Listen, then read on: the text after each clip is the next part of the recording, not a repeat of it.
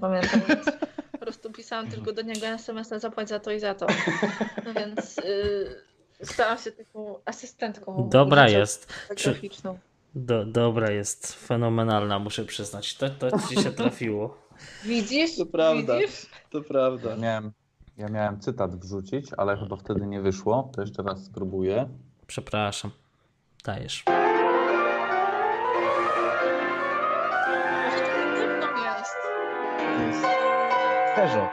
Nie, nie, to nie. To jest...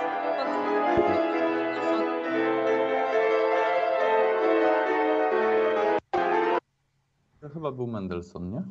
Tak, to był koncert Mendelssohna. Aha. Demol. To był ten, ten dyplom, na którym jak siadać do fortepianu, jak zobaczyłem z kilku Nie, rzędów to, to dalej. drugi był. A nie, tak, masz rację. To Znaczy, był bo ogólnie sercu, fajna była, fajna. E, miałam takie szczęście, że dwa dni przed swoim pierwszym dyplomem z fortepianu, bo zawsze jakby jak się kończy szkołę, to tych dyplomów jest kilka, a z instrumentu głównego są dwa. E, na pierwszym dyplomie się gra właśnie jakiś taki koncert.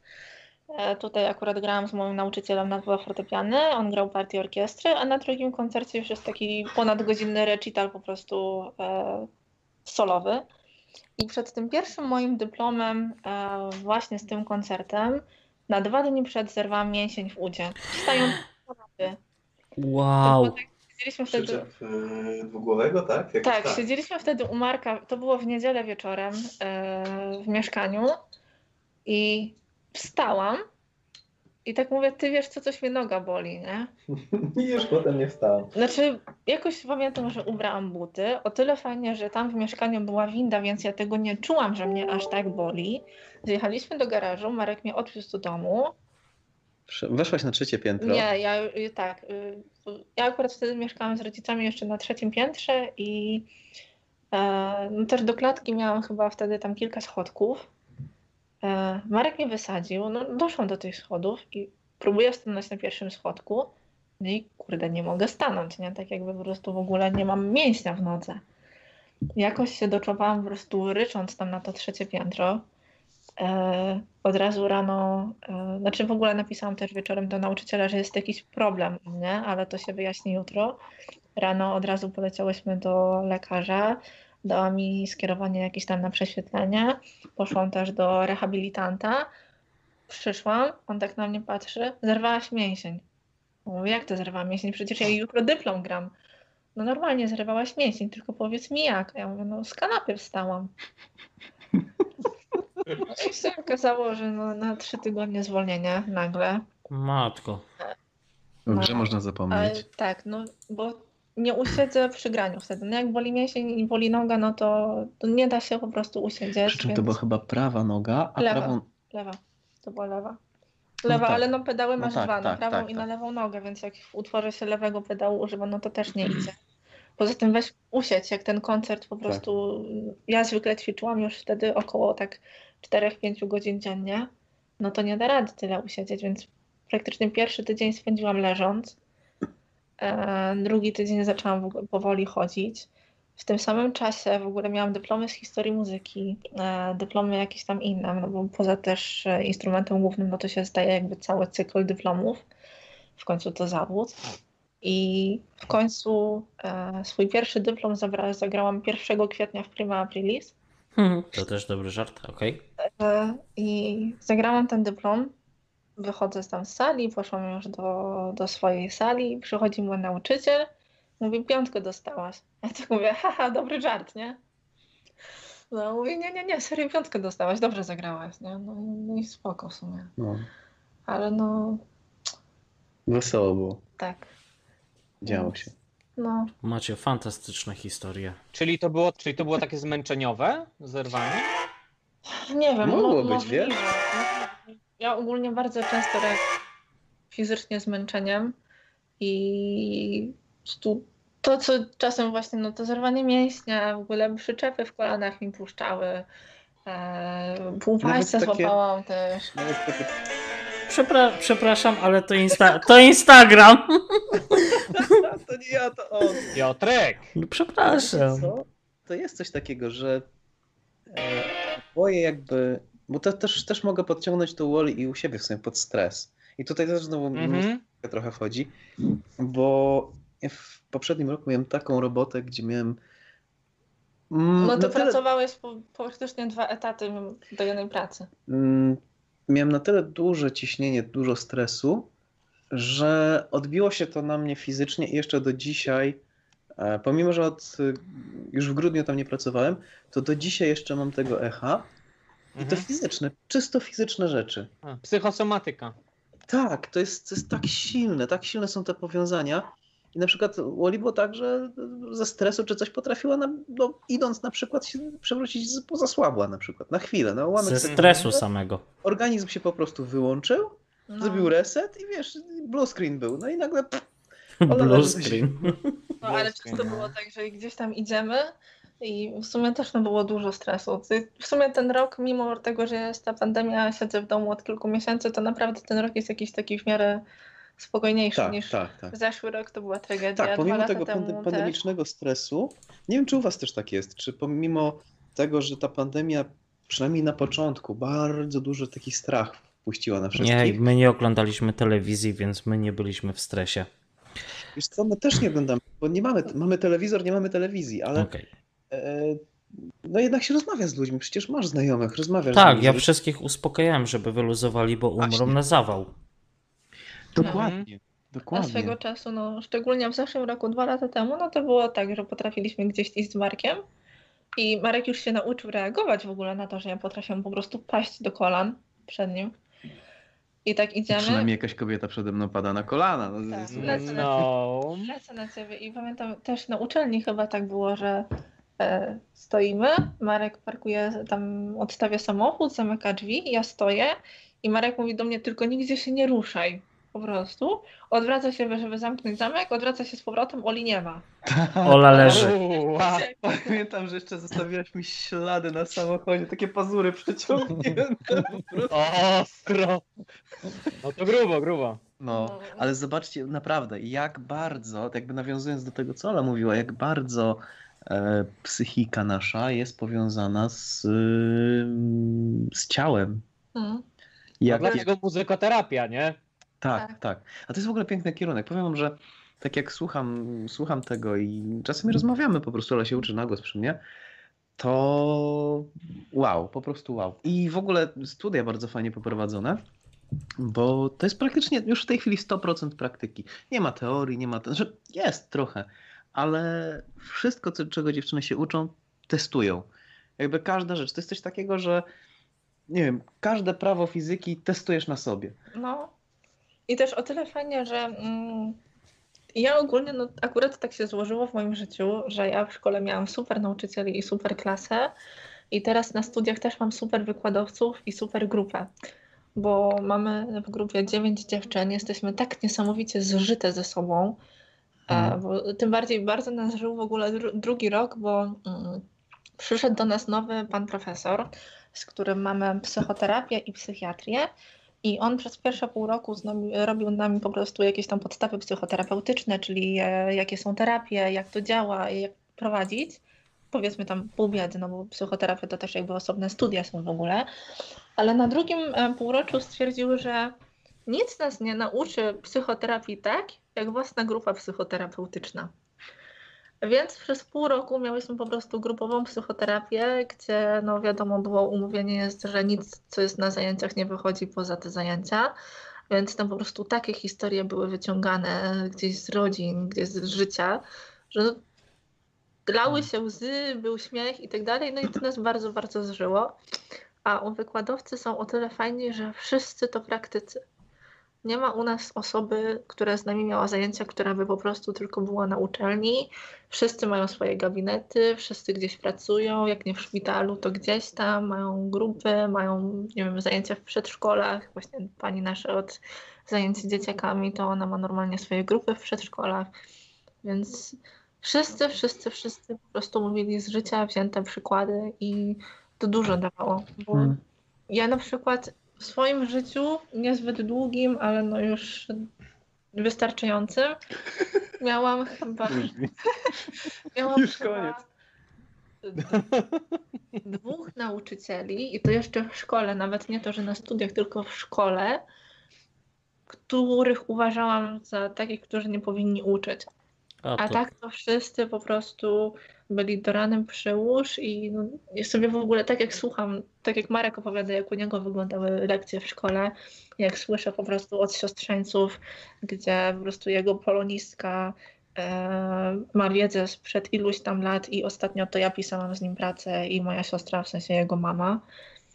No to, to jest masakra. Ja Hmm. nigdy nie miałam czegoś takiego, że ktoś był niesprawiedliwy, z kimś się nie dało dogadać. Poza tym Ale też to nie masz co porównywać za bardzo, bo to No wiesz, właśnie. jak Ta Marek szkoła. chodził do szkoły, to musiał uciekać jeszcze przed dinozaurami, więc Dobra, dobra, po chwili się, po chwili się Ale zorientowałem. też o tyle fajne są, nie wiem jak to teraz wygląda, bo przez te wszystkie zmiany w oświacie to też jest pewnie trochę inaczej, ale no, u nas było akurat tak, że mm, my mieliśmy tak zwaną szkołę ogólnokształcącą, czyli to była szkoła dwa w jednym, że jednocześnie mieliśmy zajęcia z, e, takie zwykłe jak w normalnej szkole i między normalnie zajęciami mieliśmy zajęcia muzyczne. Bo Jest też bardzo dużo szkół takich, gdzie jest po prostu dziecko chodzi do normalnej szkoły podstawowej i potem idzie na popołudnie do szkoły muzycznej popołudniowej, gdzie ma zajęcia muzyczne po południu. U nas to wszystko było Tak. poprzeplatane. I e, no akurat tak trafiło się, że z mojej klasy, która miała na początku 24 osoby, do końca wytrzymało 9. Więc ja miałam po prostu 9 osób, które znałam 12, no w niektórych przypadkach po 13-14 lat. W jednej klasie to wszystko. E, przez w ogóle całe gimnazjum i liceum mieliśmy jedną wychowawczynię. E, wszyscy nauczyciele nas znali, my znaliśmy wszystkich nauczycieli. To jest w ogóle zupełnie inny klimat. Jeśli ktoś ma możliwość posłania dziecka do szkoły muzycznej, takiej ogólnokształcącej, nawet jeśli nie będzie grać potem, no bo wiadomo, można zrezygnować po tych pierwszych trzech czy ośmiu latach teraz. To jest coś niesamowitego. To jest Hmm. zupełnie inna kultura nauczania. Te klasy są małe, nauczyciele mają czas dla dzieci. E, jednocześnie też no, uczą się tych muzycznych rzeczy, uczą się cierpliwości, dyscypliny. Mm, są w ogóle też bardziej wrażliwe, uczą się pracy w grupie zupełnie inaczej niż takie dzieci w zwykłych szkołach. Więc no wow. I też jest coś takiego, że tak jak u nas było, czyli w jednym budynku były, była podstawówka, gimnazjum i liceum, to e, bardzo często po prostu szkoła sama się wychowywała w tym sensie, że e, jeśli na przykład jakieś dzieciaki, jak my już byliśmy w liceum, jakieś dzieciaki z podstawówki gdzieś tam roz, e, rozwalały wszystko po korytarzach, biegały, krzyczały, to po prostu ktoś od nas szedł, mówił, że słuchaj, tutaj są zajęcia, tutaj ktoś ma lekcję, coś tam, coś tam, idź co pobiegaj na podwórko, nie biegaj tutaj. I Tego w zwykłej szkole nie było. nauczyciele nie, nie mieli czegoś takiego. No. W sensie nawet nie, nie byli aż tak potrzebni w tym sensie, że nie byli wszędzie potrzebni. Bo u nas było dużo takich korytarzy, gdzie no, na tych głównych korytarzach to wiadomo nauczyciele mieli dyżur, ale u nas był też taki, jakby część taka szkoły zupełnie odsunięta, gdzie były tylko zajęcia muzyczne i tam no, po prostu była potrzebna cisza, no bo wszystko się jednak niosło przez ściany i tam się wszyscy sami pilnowali. No. A z czasem to już nawet dzieciaki po prostu wiedzą, że tam jak idziesz, to idziesz cicho. I tyle, no po prostu się nie odzywasz albo gadasz cicho i to jest takie miejsce, gdzie można usiąść i się wyciszyć. Ja tak wtrącę w takim razie. E, odpowiadam na pytanie Jacka, któreż to wcześniej się pojawiło. E, biały szum jest to rodzaj szumu akustycznego o całkowicie płaskim widmie. Jakby ktoś miał ochotę, zacytuję. Ja to, ja To to słyszę za każdym razem, jak Ola do mnie mówi o ślubie. e, Dobra, Czego teraz... co innego e, kopnesz. Teraz jadę właśnie z ciekawostkami. Czy biały szum jest bezpieczny dla Twojego dziecka? Za wymagające.pl. I jakieś tam badania naukowe były prowadzone przez doktora Harveya Karpa, który stwierdził skuteczność białego szumu w usypianiu noworodków. Eksperymentalnie wyszło, że y, grupa kontrolna tylko 25% dzieci samodzielnie zasypiało w ciągu 5 minut. W przypadku stosowania szumu białego to było aż 80%. O, dobra. E, więc A bardzo chloroform? dużo. E, no to dochodziło do 100. E, tylko tak, a propos właśnie wszelkiego rodzaju zabawek i tak dalej.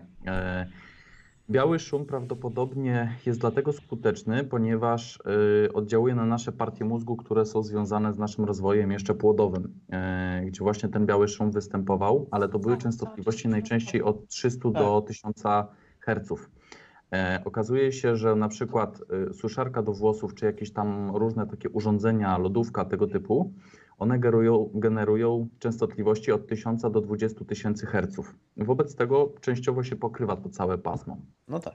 Było pytać? E, No a pewnie, że było pytać. się, że typowe elektroniczne e, szumy, tak samo na przykład z telefonów komórkowych, z zabawek i tego typu rzeczy, one nie sprawdzają się, ponieważ ich pasmo jest najczęściej od 3000 do 22 tysięcy Hz. To są mniejsze. E, mniejsze- czyli wychodzi- mniejsze wychodzimy już światła, Dźwięku. Ponad, tak, wychodzimy już ponad to pasmo, które jest całkowicie bezpieczne. Druga sprawa tutaj jeszcze e, było badanie odnośnie samych urządzeń. Okazuje się, że e, dla nas bardzo dobry szum jest, gdy działa na poziomie około do 50 dB. Czyli powiedzmy, jak wyjdziecie przed dom, to jest taki intens- intensywny deszcz. Mhm. E, Niektóre zabawki mają głośnik, jak przyłożysz do ucha, na poziomie 92 dB, czyli przejeżdżający motocykl. Jak szlifierka. O kurde. Jak Tak, szlifierka. albo szlifierka. E, Norma dopuszczona przez Unię Europejską to jest 72 dB. Mm. Przy czym 70 dB to tak jak wchodzicie do knajpy, nie wiem, gdzie jest bardzo duży szum, do McDonalda, do którego wpadło właśnie 20 autobusów e, jakichś wycieczek, nie? Albo ten dzieciak, co dzisiaj mieliśmy go w McDonaldzie z tyłu. O Jezu, no. E, I się okazuje, że właśnie te urządzenia niby się sprawdzają, ale nie są e, dobre z tego względu, że są bardzo wysokie tony, to raz. Bardzo często jest e, to za głośne e, urządzenie. To ja już A wiem, trzy, jeszcze taka jest ciekawostka, że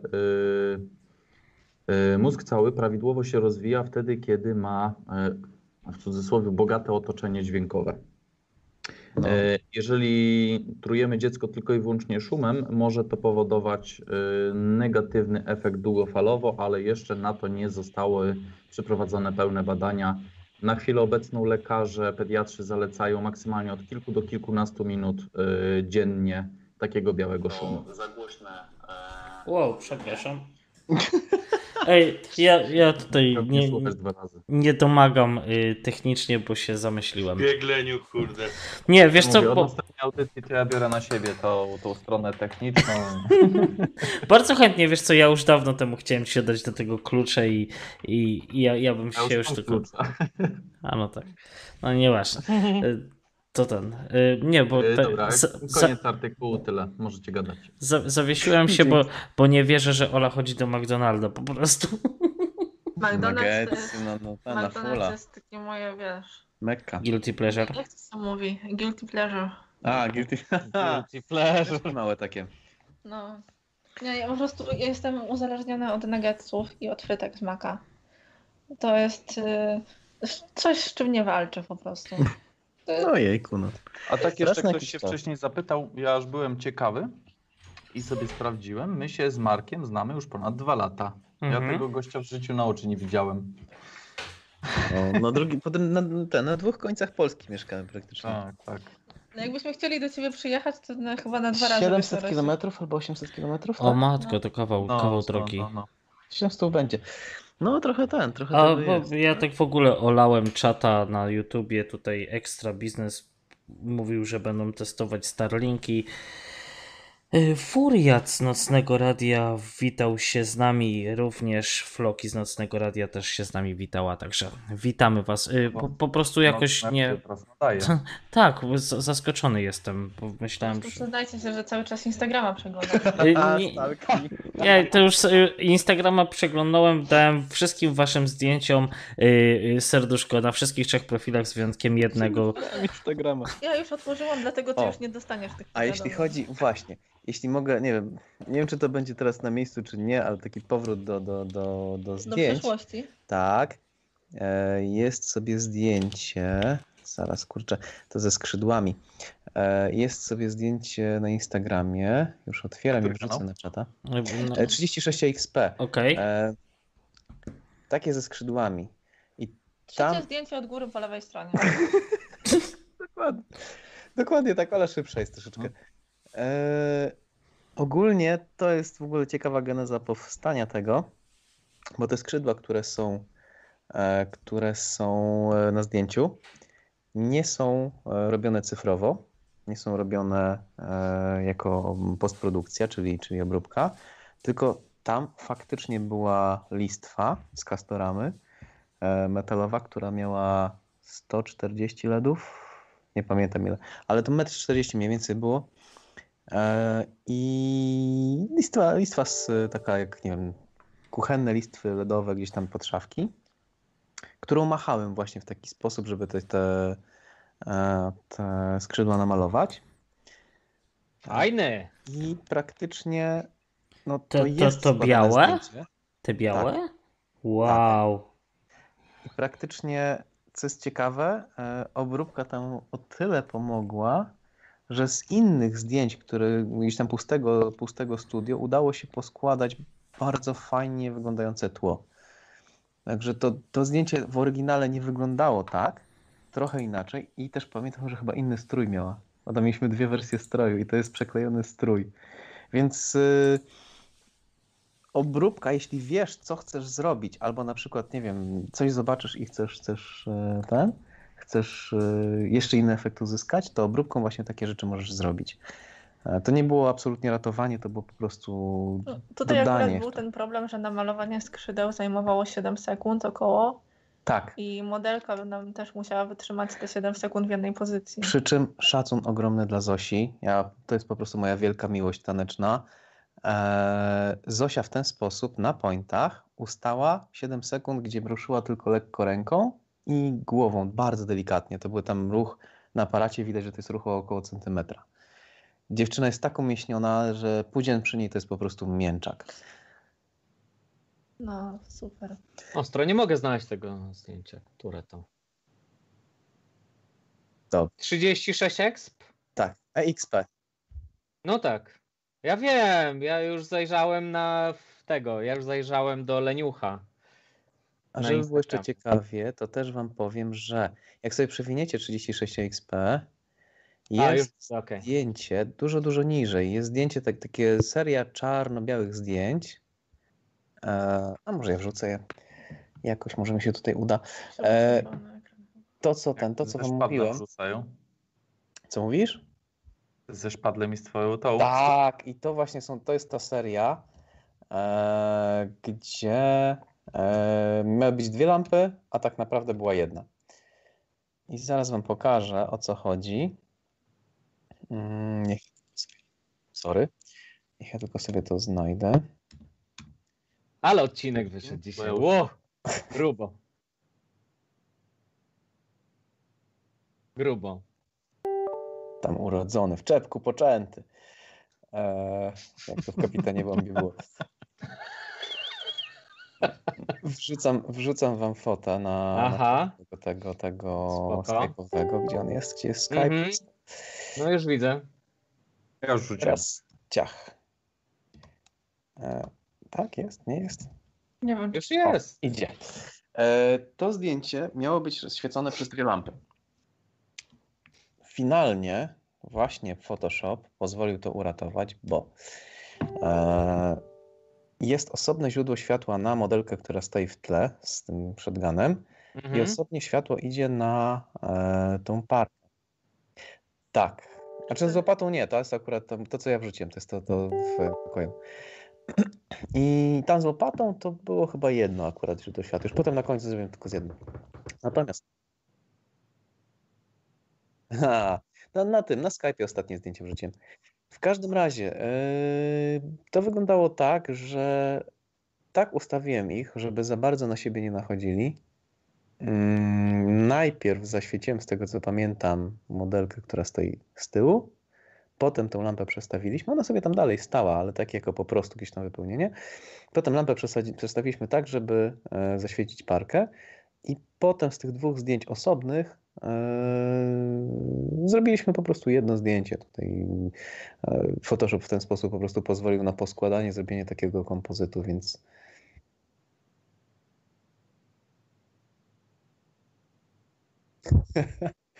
No bo w sumie technikalia są ciekawe tylko dla tych, którzy faktycznie gdzieś tam w tym siedzą, bo to, to są takie niuanse jakieś. Ale Ja fajnie czasami zobaczyć, jak e, czasami widzimy jakieś zdjęcie i wydaje się, że, że nie wiem, że to jest gdzieś tam zrobione, na przykład, nie wiem, babka jakaś w reklamie, nie wiem, rzuca się tam e, po piłkę, nie wiem, gdzieś tam ten kopniętą, a e, reszta tam bramka, boisko, wszystko jest dodane potem, a to wygląda tak, jakby było faktycznie gdzieś tam robione na, na, na lokalizacji. Więc to jest ciekawe, bo właśnie w ten sposób Photoshop pozwala jakby poprawić, czy może nie poprawić, ale jakby opowiedzieć całą historię. Aczkolwiek, tak jak mówiłeś, robiąc normalnie dla siebie zdjęcia, ja nie wyobrażam sobie tego, żeby po prostu siedzieć i napierdzielać Lightroomami, Photoshopami, No, wszystkim. Po Znaczy prostu tutaj chore. akurat ja jestem Wszystko na screenie. obrobienia i na przykład większość zdjęć, znaczy tak, na Instagramie to ja w ogóle wszystkie chyba zdjęcia, albo znaczną większość, to no jednak to jest robione zwykłą lustrzanką i tam jest obróbka u mnie. Nie ma znaczenia czym przecież. to No tak, tak, ale no akurat tak się złożyło, że tutaj nie ma zdjęć e, z telefonu praktycznie. Ale no tak jak wrzucam gdzieś na Instastory jakieś tam zdjęcia czy coś, no to e, dużo mam obrobionych, ale w tym sensie, że mm, wyciągam właśnie światło, bo też no jakby ludzkie oko zupełnie inaczej widzi świat niż aparat. Aparat to jest, e, czy to w telefonie, czy w zwykłym takim aparacie, no to jest szkło plus e, elektronika plus oprogramowanie. I teraz jeśli stoję na przykład gdzieś na zachodzie słońca i widzę jakieś tam konkretne kolory, a aparat mi tego nie uchwyci, to potem mam obróbkę i potem mam te właśnie czy Lightroomy w telefonie, czy inne tam programy, Żeby opowiedzieć tą historię, którą tak, ty które widziałaś. pozwolą mi dokładnie odwzorować to, co widzę. I tak jak rozumiem totalnie ludzi, którzy nie używają tego, no bo nie czują potrzeby, tak y, rozumiem też te osoby, które chcą skorzystać z czegoś takiego.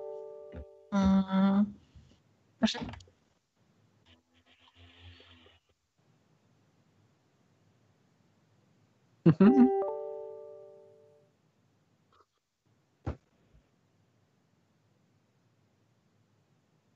Tak, przesadzają. To prawda, właśnie to jest to, że takie wyplasticzenie, wyplasticzenie straszne skóry, wszystkiego. No i tak nierealne się to aż robi. No i też zresztą nawet te programy na telefon, te darmowe, one mają tak nieograniczone możliwości obróbki. Zresztą nawet ostatnio jak wrzucałam jakieś zdjęcie mm, na Instagrama baletowego, mieliśmy e, fotkę, która nam nijak nie pasowała do wykadrowania w kwadrat. Bo akurat zdjęcie było w pionie, e, chcieliśmy wrzucić na Instagram w kwadracie i no ni cholery to mi nie pasowało. Albo była ucięta stopa, albo ucięta głowa. No oczywiście i... dział marketingu na, narzeka na dział produkcji, tak, jak najbardziej. Dobra, słuchaj. Nie, nie przypominaj mi korporacji, widzę jak tam wracam, także. No i e, jest taka aplikacja do upiększania, taka, że tam możesz i dodać e, makijaż i podkreślić bardziej oczy, jakby rozjaśnić i wybielić zęby. Jest też funkcja do wydłużania nóg. O, Tak. Ale mi ta funkcja do wydłużania nóg. Ale tylko nóg? Czy można też coś innego wydłużyć? Jest też pędzel, którym możesz powiększyć cycki, jeśli o to pytasz. Aha, dobra. Słuchaj, słuchaj, za pomocą tego urządzenia może być dłuższy i grubszy. Także, Jak powiedzisz telefon i tak Pojechałem. także jak chcesz, to może być i dłuższy, i grubszy. W każdym razie. A tylko Marek, jeśli będziesz chciał poprawiać, to tylko i wyłącznie z obiektywami typu makro. Dokładnie. No i sobie wymyśliłam, że skoro mam tą funkcję do wydłużania nóg, która jest niczym innym jak funkcją po prostu rozszerzania obrazu, to sobie rozszerzyłam boki zdjęcia, tak że mi w kwadrat pasowało. O. To jest I to fajne jest, wykorzystanie. to jest bardzo fajna rzecz, bo e, jakby tutaj dotykamy kolejnego tematu, czyli wykorzystania sprzętu. Bardzo często, często jakby, nie wiem, z, z racji tego, że robię zdjęcia, tam znajomi wiedzą o tym, dostaję pytanie, no ale chcę kupić jakiś najnowszy aparat, coś tam, jaki mam kupić? I tak pytam się, często robię jakiś tam background, pytam się, jaki masz teraz, czego używasz, jak często robisz zdjęcia i tak dalej. I się najczęściej okazuje, że ludzie nie potrzebują wcale tego nowszego sprzętu, po, prostu nie potrafią wykorzystać albo Tego, co mają. mają. Tak, tak, tak. sprzęt powinno się wymieniać wtedy, kiedy już kończą się możliwości starego. Kiedy już wszystko wykorzystaliśmy, wszystko zrobiliśmy, Ale- to co on potrafi. Tak, cześć. ale wiesz jak to jest, teraz tam wciskają, kupisz sobie, A kupisz sobie, kup, kupisz sobie najnowszy telefon dzisiaj, jutro ci będą mówili, że potrzebujesz już nowszy. Tak, ale wiecie co? To jest w ogóle ciekawe, bo często jest taka historia, że ludzie kupują sobie sprzęt, nie wiem, lustrzankę za 7-8 tysięcy samobody. To już jest niemało i tu już masz oczekiwania, że to będzie robiło super zdjęcia. Tu się nagle okazuje, że no cholera, ten iPhone robi ładniejsze zdjęcia przecież. A iPhone dodaje filtr od razu z No automatu. właśnie, dużo teraz ludzie też zapominają albo nie wiedzą o tym, że jakby ogromną część tego, co widzimy na ekranie w telefonie, to jest po prostu software, to jest całe oprogramowanie i przecież iPhone normalnie, czy tam inne telefony, jak Tak. jest ten tryb portretowy, to, to nie jest tak, że one robią rozmycie tła, tła tak jak normalny obiektyw, czyli tam powiedzmy, że sobie Nie ustawiamy małą szans, tak. przysłonę, tak, i jakby to rozmycie jest e, osiągnięte po prostu fizycznymi parametrami obiektywów, tam szkieł i tak dalej. To iPhone po prostu, czy tam inny aparat sobie wykrywa obiekt, który jest najbliżej i na resztę dodaje po prostu elektronicznie rozmycie. I dlatego to się też ludziom podoba, bo jakby to przypomina i takie użycie normalnego, powiedzmy, obiektywu, e, ale no na dobrą sprawę, gdyby zdjąć całe to oprogramowanie, to większość zdjęć byłaby taka sama. Mhm. Aczkolwiek no tutaj ja jestem na etapie wybierania telefonu e, w ciągu kilku najbliższych miesięcy, bo obecny mnie tak niesamowicie denerwuje, że to jest tragedia. E, Oglądam różne tam porównania mm, właśnie pod kątem aparatu, bo to się dla mnie najbardziej obecnie liczy, czyli aparat w telefonie. I no jednak tutaj trzeba przyznać, że no iPhone jakby chyba najsensowniej ma ogarnięte oprogramowanie do robienia zdjęć. A patrzyłaś, Ja tak. Jest takie fajne porównanie, teraz nie pamiętam, kto dokładnie robił, e, jakieś anglojęzyczne, gdzie gość porównuje chyba cztery różne telefony, e, ustawia je w takim, mm, No takiej szynie. Takiej. taki, na takiej szynie właśnie i robi nimi wszystkimi naraz dokładnie te same zdjęcia, schodzi po schodach, nagrywa te same filmy. mhm. Jest porównanie jakby obrazu po prostu wychodzącego e, surowego z aparatu. E, No i niektóre tutaj marki leżą po prostu i kwiczą, a niektóre się e, wywyższają, no ale to wszystko to jest oprogramowanie. tak z ciekawości tylko zapytam, czy była w tym zestawieniu Motorola?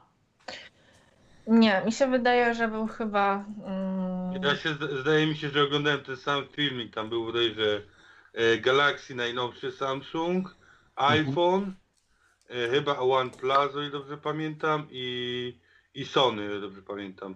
Ale Możliwe, mogę się mylić. możliwe, że Ja było tak coś takiego i. Trącę jeszcze właśnie a propos fotografii takiej ym, bardziej profesjonalnej. Znaczy tu jeszcze może na początek mniej profesjonalna, ale Kolejna y, rzecz, jeżeli na chodzi której się właśnie zna. o-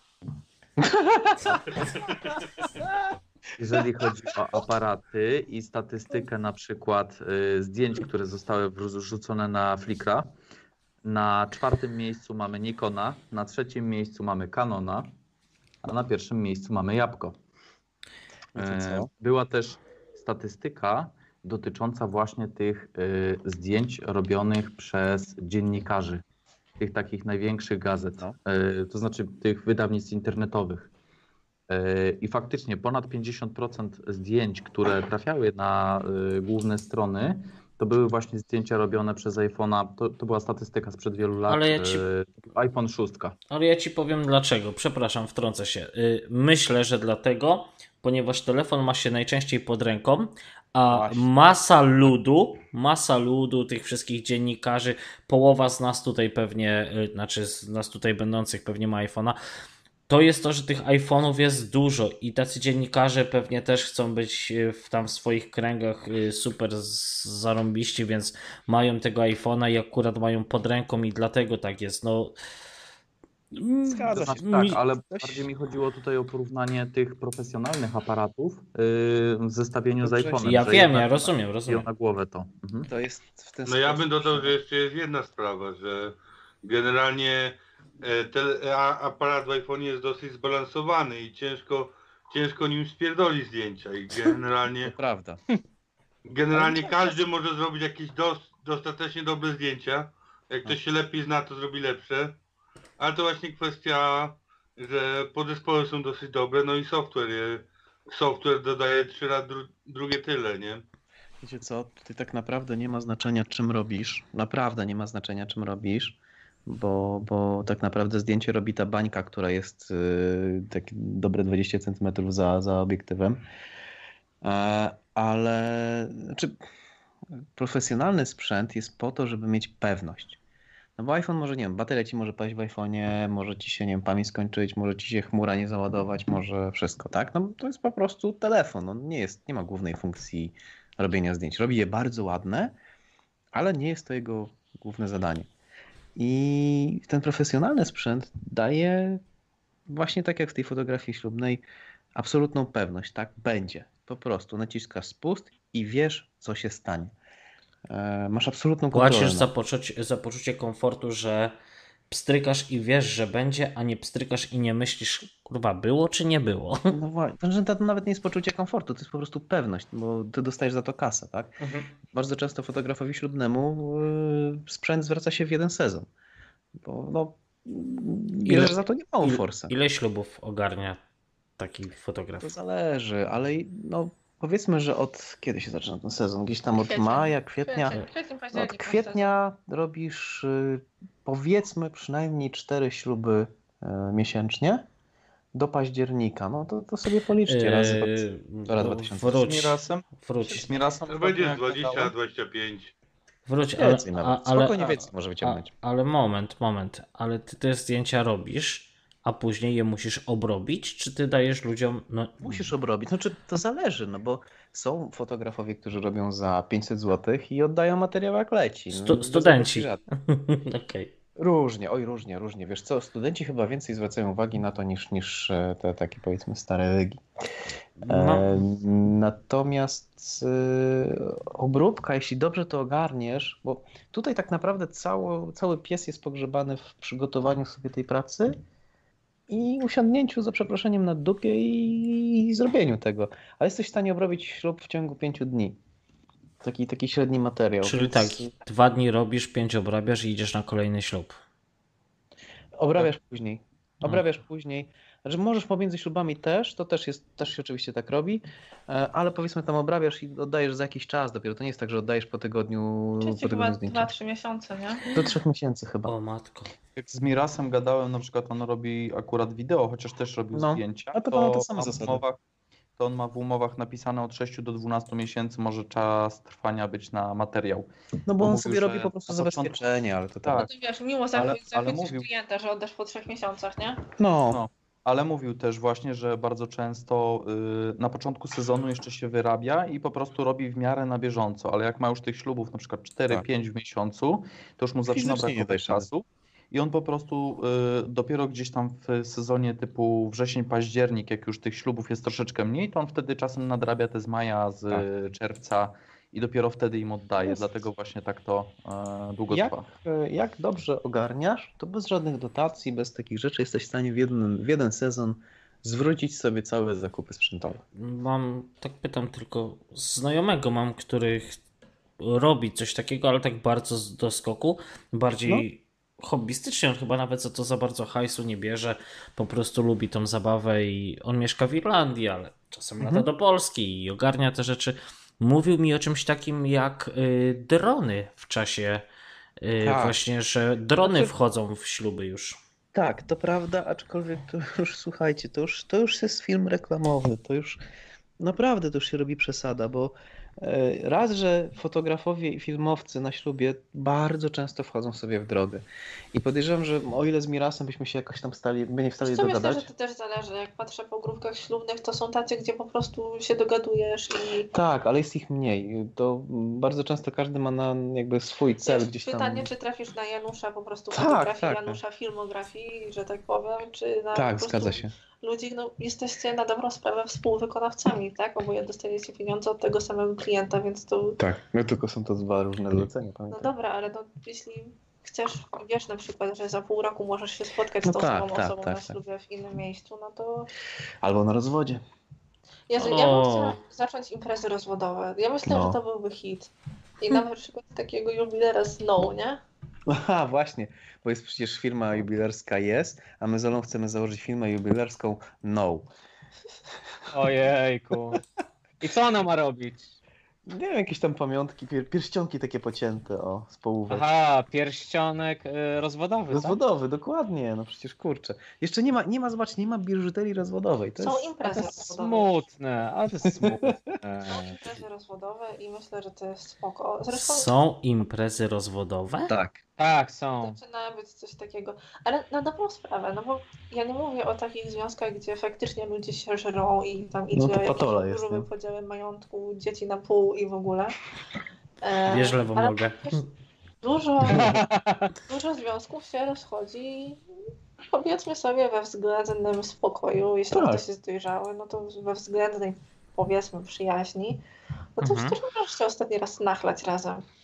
Nie No no, też- to- Czemu nie pożegnać się ze sobą? masz A mi się wydawało, że to nie jest razem, to raczej wygląda, że pan, y, że tak ta kobieta, ona No tak. y, imprezuje z kimś, a on tam imprezuje z kimś. Nie, tu no Ale nie wiesz, razem. A to mój wieczór kawalerski i panieński Nie, nie, nie, nie. rozwodem. Poro tych, Po rozwodzie, takie coś. już po ślubie. Nie, no już po rozwodzie. No, ale po rozwodzie. Tak czy inaczej, tak czy inaczej. Yy, no, Bo tak, wracając do tych dronów. no. Na dobrą sprawę, skoro są te drony, to znaczy, że klienci tego oczekują. Tak. Jeśli ktoś faktycznie, ja widziałam dużo zdjęć ze ślubów e, dronami robionych, to się przydaje szczególnie na ślubach, gdzie jest mnóstwo osób. Albo panna młoda jest na tyle duża, że się nie mieści w obiektywie. No tak. Uuu, to w Anglii by się przydało. To w Anglii, tak. No ale jeśli na przykład faktycznie jest jakaś taka gruba impreza i chcą mieć wszystkich na jednym zdjęciu, no to niech poleci tym dronem do góry i Tak, to, wszystkich. to, jest, to jest tylko technologia, wykorzystanie technologii. Natomiast To jest spoko. najważniejsze, żeby technologia nie przysłoniła tematu. O, O. właśnie. Nie możecie się zasłaniać tym. I tak wszyscy zamiast y, patrzeć tam na ołtarz, jak młodzi sobie ślub biorą, to, to patrzą na drona i o. Ale w No, ogóle no, to jest właśnie. strasznie przykre. Przecież zobaczcie, ile na ślubach, mimo tego, że jest fotograf, mimo tego, że często też jest filmowiec, to ty zawsze ciotki, kuzynki, przyjaciółki, czy coś tam, telefon i po prostu sru na parę młodą. Po cholerę. To chyba, e, kto to mówił? E... Jezu, jak on ma? Mogę E, tylko- Louis C.K. Louis C.K. to mówił. Słuchajcie, e, że jedziesz na przedstawienie swojego dziecka, wyjmujesz telefon i przez ten malutki ekranik patrzysz na fajne rzeczy, które dzieją się 5 metrów przed tobą. No, ale Mhm.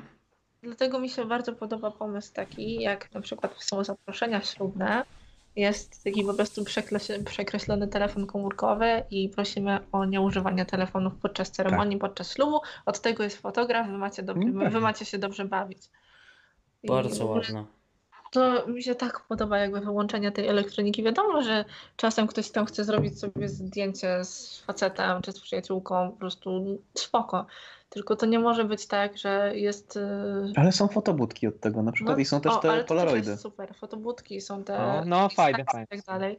No to niech to będzie coś takiego, a nie, że tu wszyscy z tymi telefonami. i- No, No bo to. Zamiast trzymać kieliszek, Zaczyna się pojawiać nowa branża. y, poczekaj. Tutaj widzę nisz, niszę dla ciebie, Marku.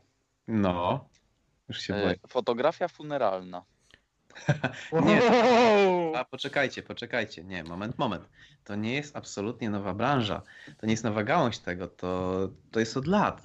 Odkąd istnieje fotografia, na pewno, no. jeśli pogrzebiecie, jeśli zapytacie dziadków, to znajdą, wyciągną wam zdjęcia e, pogrzebowe. Też ja mam zdjęcia takie tam u w albumie. No, Tego poczek- zmarł mój Aha. pradziadek, dziadek, ojciec. Halo?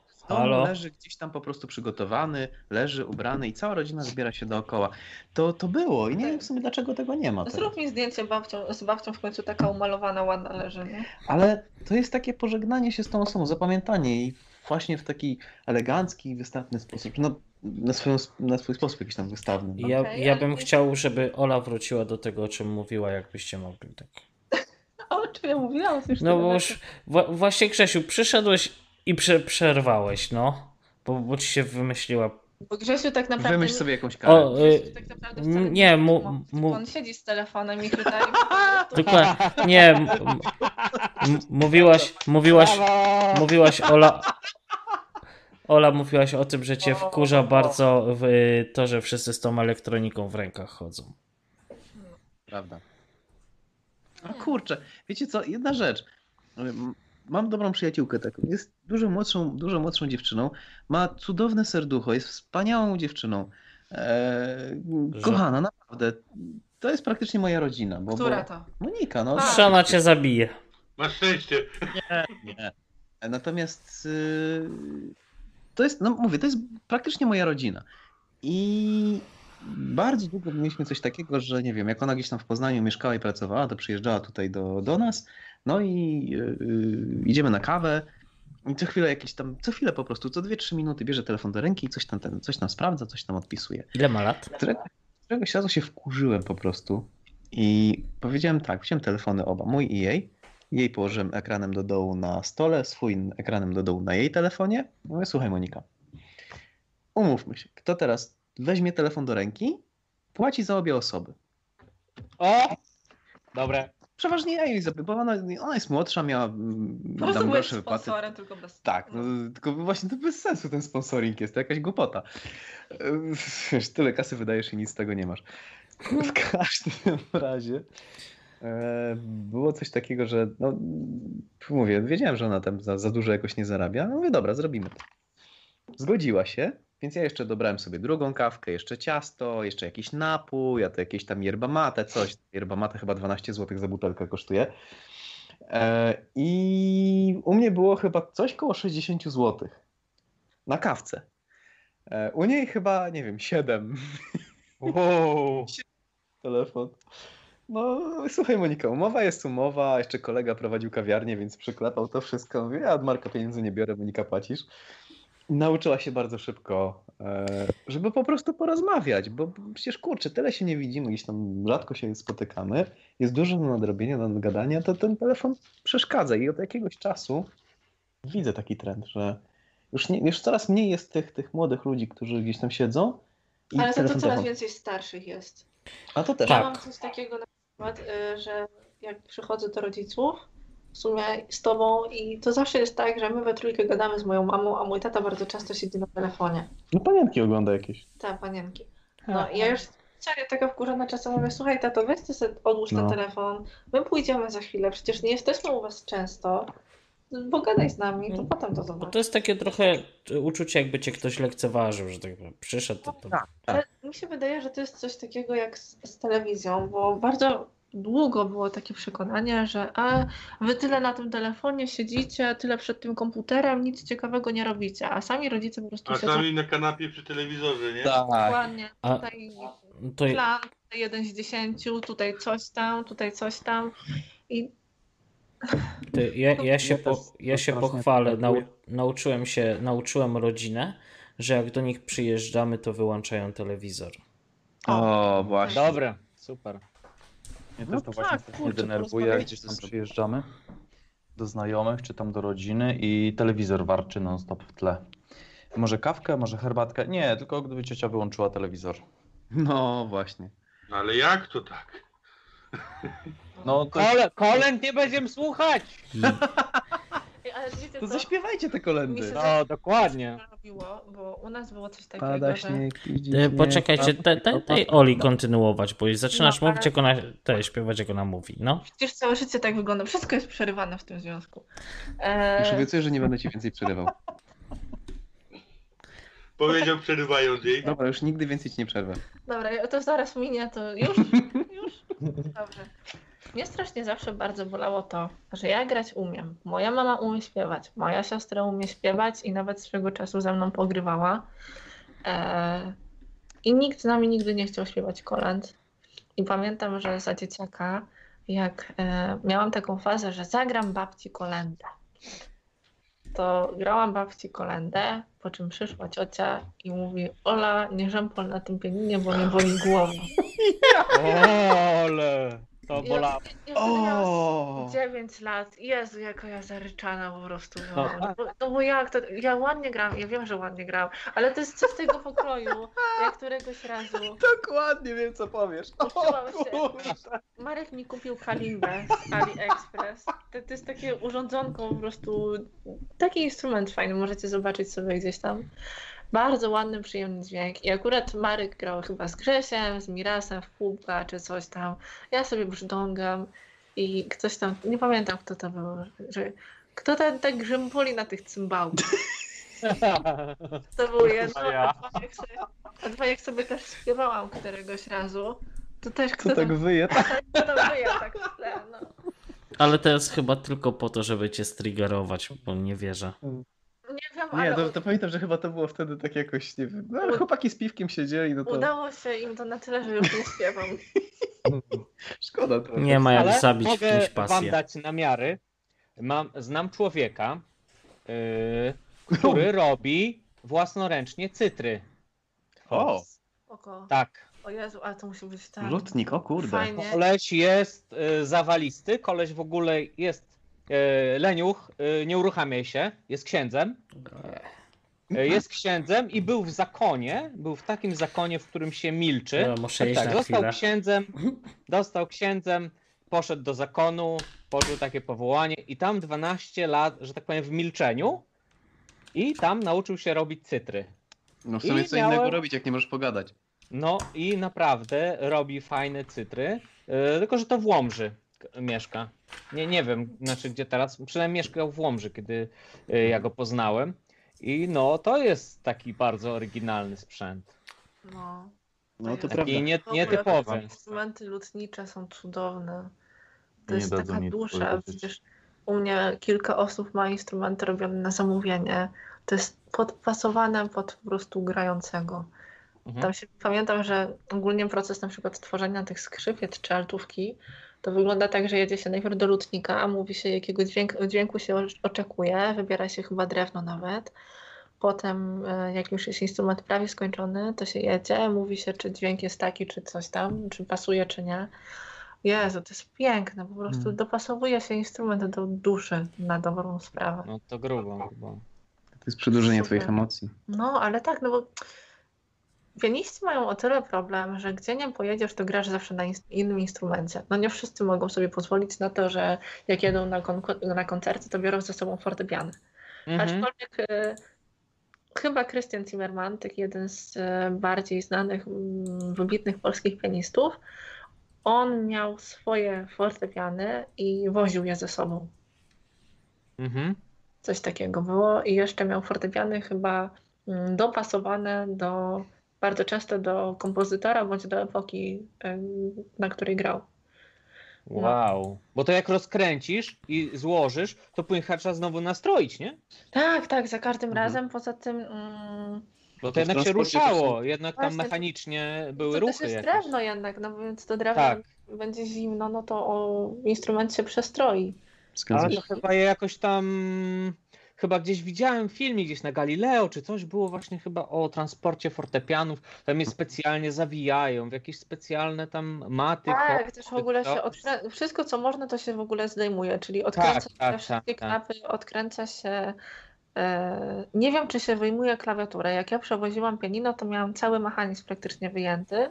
Ale wiesz co, na tym, na Akademii, jak wpakowali e, w Timewaya z e, któregoś tam dyplomu czy z czegoś, to gość, w ogóle to było bardzo ciekawe, bo facet przyjechał, e, przyjechał e, jakąś skrzynią i e, miał robota. Praktycznie położony był fortepian na boku, na tym robocie i zdalnie sterowanego robota gość miał, szedł sobie po prostu z tym, z joystickiem Wow. i wjeżdżał na rampie, ten, ta rampa też się wysuwała tam z ciężarówki też na, na, na po prostu zdalnie, było Mhm. przygotowane już. I... A to ja tego nie widziałam. No bo ty byłaś na zajęciach, ja ten, ja wtedy, wtedy sobie tam patrzyłem ten. Ja nie mogę, po prostu to jak teraz jest to wykorzystana ta elektronika do, do, do w ogóle technika do, No do Poza tym no, to jest w ogóle lite drewno, więc to waży cholernie dużo. Jak, No. e, no ogólnie ja u siebie tam u rodziców w mieszkaniu miałam dwa pianina. E, w sensie na, najpierw jedno, potem drugie. I za każdym razem jak je wnosili, no to trzech, czterech facetów, bo to przecież waży cholernie dużo. Lite drewno. Pianino chyba 400 kilo, prawda? No, około. Też zależy od drewna i tam masz jeszcze płytę e, tą rezonansową, to jest lity po prostu metal, więc trzeba to wnieść wszystko, więc to, co się można odkręcić, to, co można zdjąć, to się ściąga. No Mhm. mhm. Jest jeszcze cięższy, więc e, Tak. na pewno odkręca się właśnie tą górną największą klapę, odkręca się wszystkie nogi. Wydaje mi się też, że się wyciąga klawiaturę, ale tutaj już nie jestem pewna.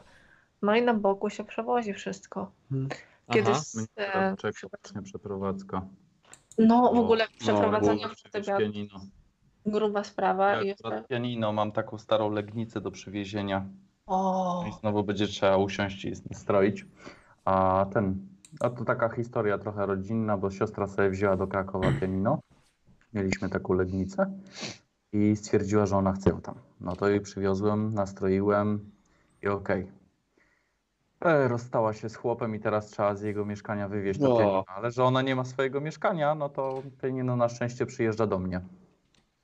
Ale, ale będę musiał teraz na wakacjach właśnie przywieźć. A pianino tak, no to ja mam akurat taką malutką legnicę, to ona tam ponad 200 kg waży. To myśmy w czterech go wrzucali na przyczepkę. No ale niestety musiało jechać na przyczepce. Trudno. no każdy Nie ma profesjonalnego może, nie? Ale wie, ale jak jest to gdzieś na jakimś wysoko czy coś, to to chyba przez okno się to, to transportuje. No bo... u mnie na przykład... e, Dźwigiem. Jedna ze znajomych, która e, miała dom, ale akurat fortepian mogła mieć tylko na pierwszym piętrze, to dźwig przyjechał przez okno. No. No tak, tak. No bo to po żadnych, po żadnych schodach czy coś, Nie, nie, nie, to nie. nie wyobrażam sobie. Nawet pianino wnieść po schodach to jest ciężko, no bo to jednak są te zakręty i Tak, dokładnie. A ciężko są wmieścić, a fortepian to już w ogóle dźwigiem, nie? No. Dlatego najlepiej mieszkać na parterze albo właśnie Pod most. pod mostem. Pod mostem. Nie, się zepsuje, bo to jednak temperatura, śnieg, deszcz i tak dalej. Nie, Ja w to ogóle nie. Uwielbiałam zawsze pianino po zimie, po takich albo bardzo zimnych, albo bardzo ciepłych miesiącach, bo po zimie wydawało mi się, że pianino jest takie ostrzejsze w brzmieniu, takie właśnie też bardziej świetliste. Może to kwestia jest po prostu drewna, że ono się... Mm, Wilgotność powietrza też się zmienia przecież, więc tak, drewno ale też na, na zimę mam wrażenie, że trochę drewno się tak kurczyło Mhm. E, i dlatego jakby bardziej może odbijało ten dźwięk, nie chłonęło go tak bardzo, a na lato to ten dźwięk po prostu miałam wrażenie, że tak wsiąkał. No, o tyle fajnie było, że moi sąsiedzi lubili jak ja gram i dopiero na ostatnim roku to czasem tam sąsiadka przychodziła, że słuchaj Ola, ja bardzo lubię, ale już mam dość. Znaczy, no bo tak, dopóki się tam grało jakieś w miarę spokojne utwory, no to pół biedy. Ale jak ją Marek zdenerwował, No, ale no jak, jak się potem nagle wchodziły utwory, które na przykład miał jedną sonatę Beethovena, która trwała 40 minut. To jest 40 minut grania non-stop. to ty Więc masz no- kondycję. Ja rozumiem, że A przećwiczyć ze ze 3-4 razy. No, znaczy No. wiadomo, że rzadko się gra cały utwór w całości, no to w trakcie mojego ćwiczenia w ciągu dnia to może dwa razy było tak, że w sensie dwa razy w ciągu ćwiczenia grałam pełny utwór, a tak no się ćwiczy fragmentami, no bo się można szaleć. A pytanie mam do ciebie, Olu. Y, oglądałaś film z 2018 roku Green Book? Nie, nie, nie, nie. To polecam. Okej, dobra. Ja w ogóle, no, raz, że jestem straszną sierotą, jeśli chodzi o filmy, bo ja nie pamiętam, co oglądam. Zasypiam na tych filmach, chciałaś No powiedzieć. zasypiam też, ale mam kilka takich filmów, gdzie wiem, że je oglądałam i jak je zobaczę, to ja wiem, powiem, że ja to widziałam, ale żeby tytuły powiedzieć nie. Aktorów też nie pamiętam nic To- ten. Może ci przypomnę, y, to jest o takim gościu z Bronxu, takim jakimś gangusie, który ym, z biegiem okoliczności pewnym zostaje szoferem dla muzyka pianisty i jeździ z nim przez najbardziej rasistowską część Ameryki, a muzyk jest murzynem. Obejrzyj. O, E, spoko. I tam też ma swoje fanaberie, bo gra tylko na takim i takim fortepianie i w ogóle y, kapitalny. Oglądałem w O, zeszłym fajnie. roku z żoną fantastyczny film. Green Book się nazywa z 2018. Wyślę ci ten, wyślę ci Ja już wysłałam, będę pierwsza. Jak zwykle. Y, No, Dobra, panowie i pani. Panie, Jak już maglujemy znowu Ole, to ja mam bardzo, bardzo pytanie wracając do muzy- muzykoterapii. Tak. Tam patrzyłem, dużo było e, objęte o- odnośnie stresu, migren i tak dalej. To masz jakieś dobre polecenie, jaką muzyczkę właśnie w przypadku migren, czy jakiś ból głowy, takich tego typu rzeczy? O, Hmm. ciężkie pytanie. No, bo to też, kurczę, bo ogólnie tak, no zawsze ja mówię, że to zależy jak leży, zależy od człowieka, bo e, przed doborem muzyki zawsze powinien być wywiad. Co lubisz, czego nie lubisz i co cię relaksuje, co nie. Ze swojej strony. No tak mniej więcej ogólny Ale, kierunek. e, e, Ze swojej strony mogę bardzo, bardzo polecić e, Debussy'ego. E, Oj tak. Szczególnie muzykę fortepianową, jakieś preludia. Albo po prostu napiszę na czacie kilku takich kompozytorów, gdzie bardzo fajnie, przynajmniej na mnie tak z, działają. E, Eric Satie też będzie bardzo fajny. Mm, Dworak. E, Chopina też można e, wykorzystać, tylko no, przy Chopinie to jest, trzeba poszukać takich utworów tych spokojniejszych, więc e, z Chopina bym poleciała w jakieś nokturny fortepianowe albo preludia. Um, Ale to pytanie, co, czym się różni preludium od tego, o czym mówisz drugim Nocturi? Co? Ja informatykiem jestem, ja nie jestem Grzesiek, nie znam się. E, ogólnie to tak, no to właśnie te preludia nokturne to są nazwy gatunków muzycznych, Mhm. a i każdy z tych gatunków ma jakieś cechy charakterystyczne. Mm, Okej.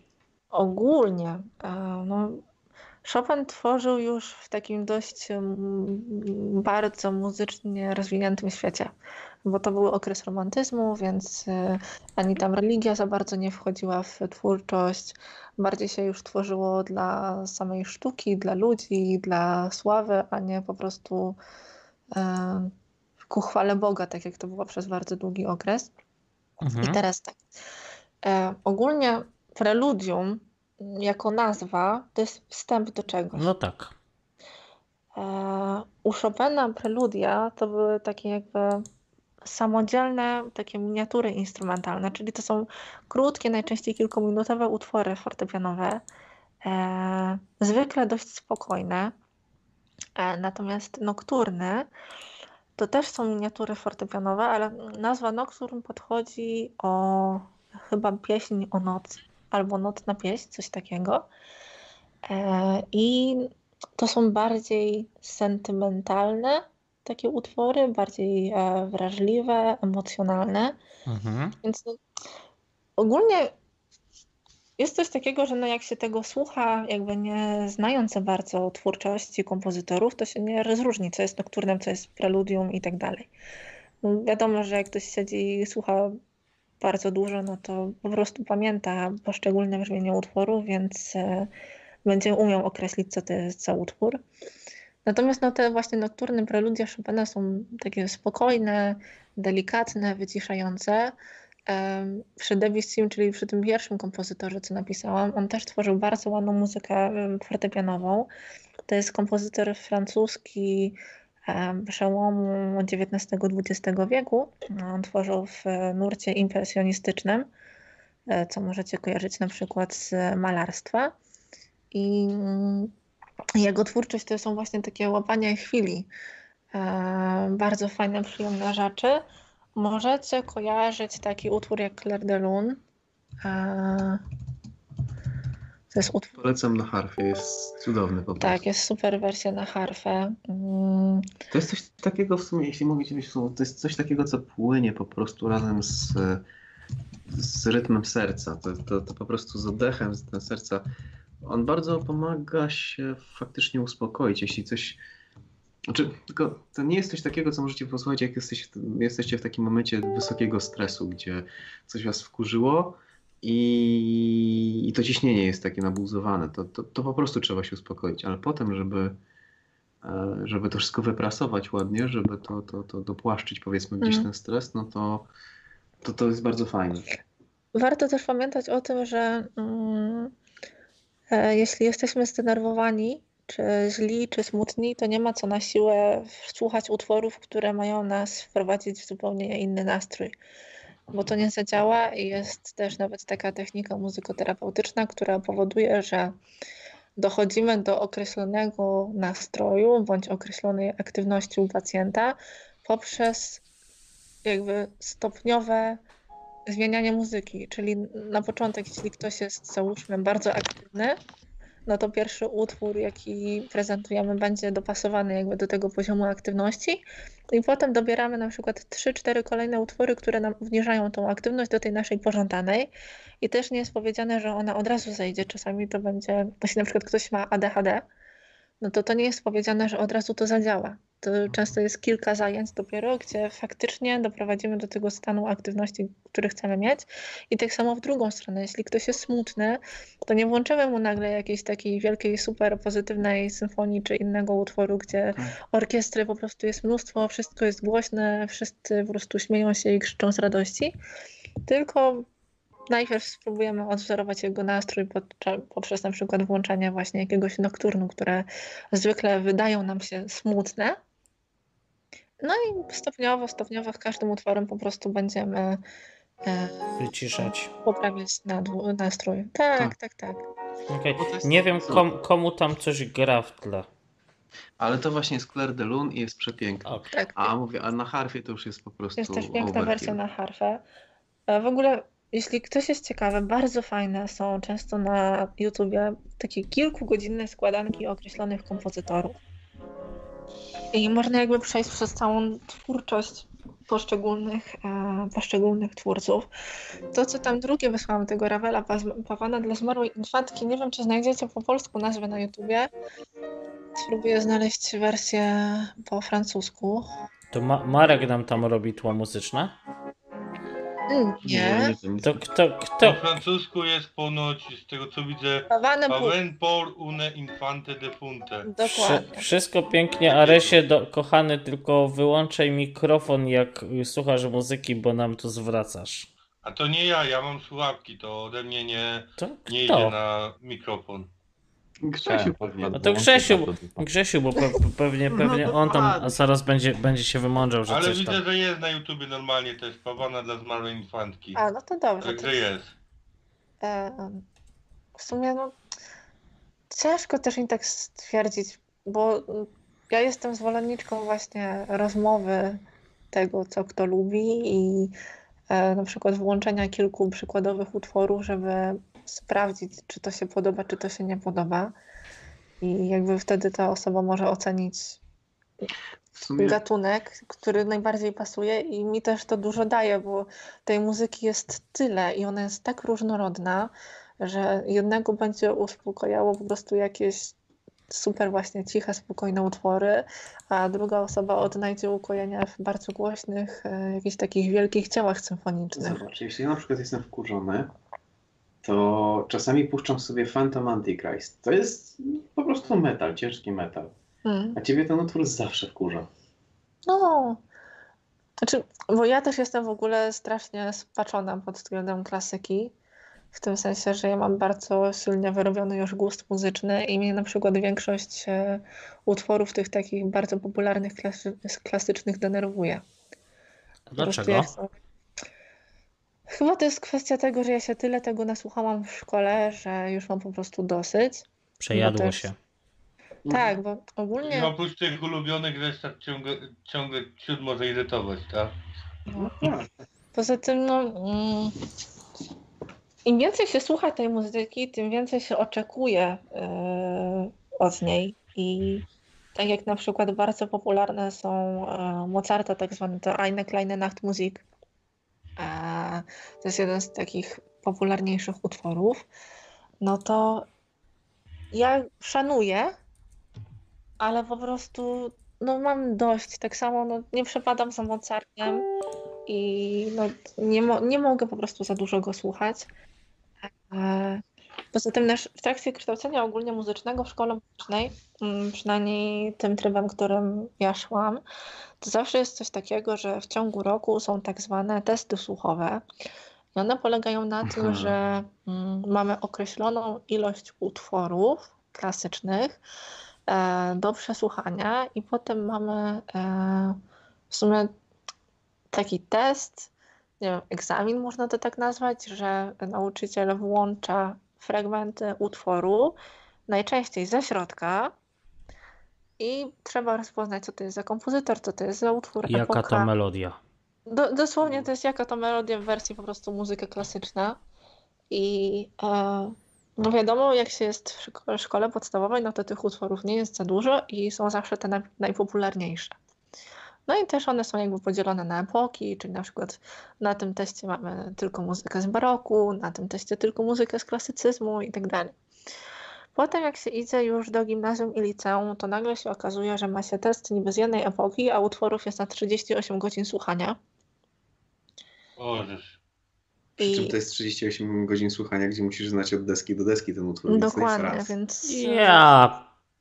No bo jeszcze fajnie by było, jakby najczęściej były właśnie włączane jakieś takie momenty charakterystyczne, czyli jakiś temat taki główny, jakieś takie. Mm, bardzo dużo muzyki klasycznej się ogólnie też przewija w reklamach, więc to gdzieś tam zostaje, łatwo to zapamiętać.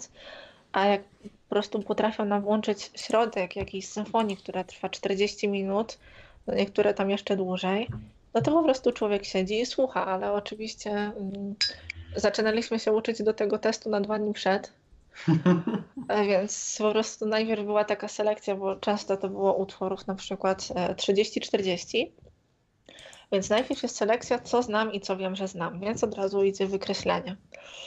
Potem e, były takie mm, zgadywanki pod tytułem, to może się wy, wydać trochę dziwne, ale w jakich tonacjach jest dany utwór.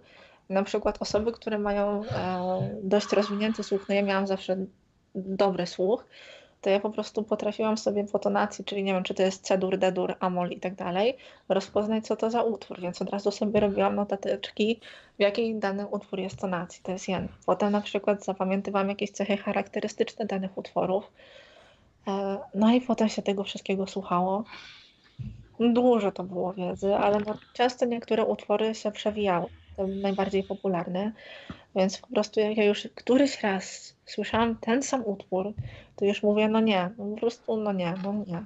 I potem idę do sklepu i nie wiem, w Tesco leci też to samo.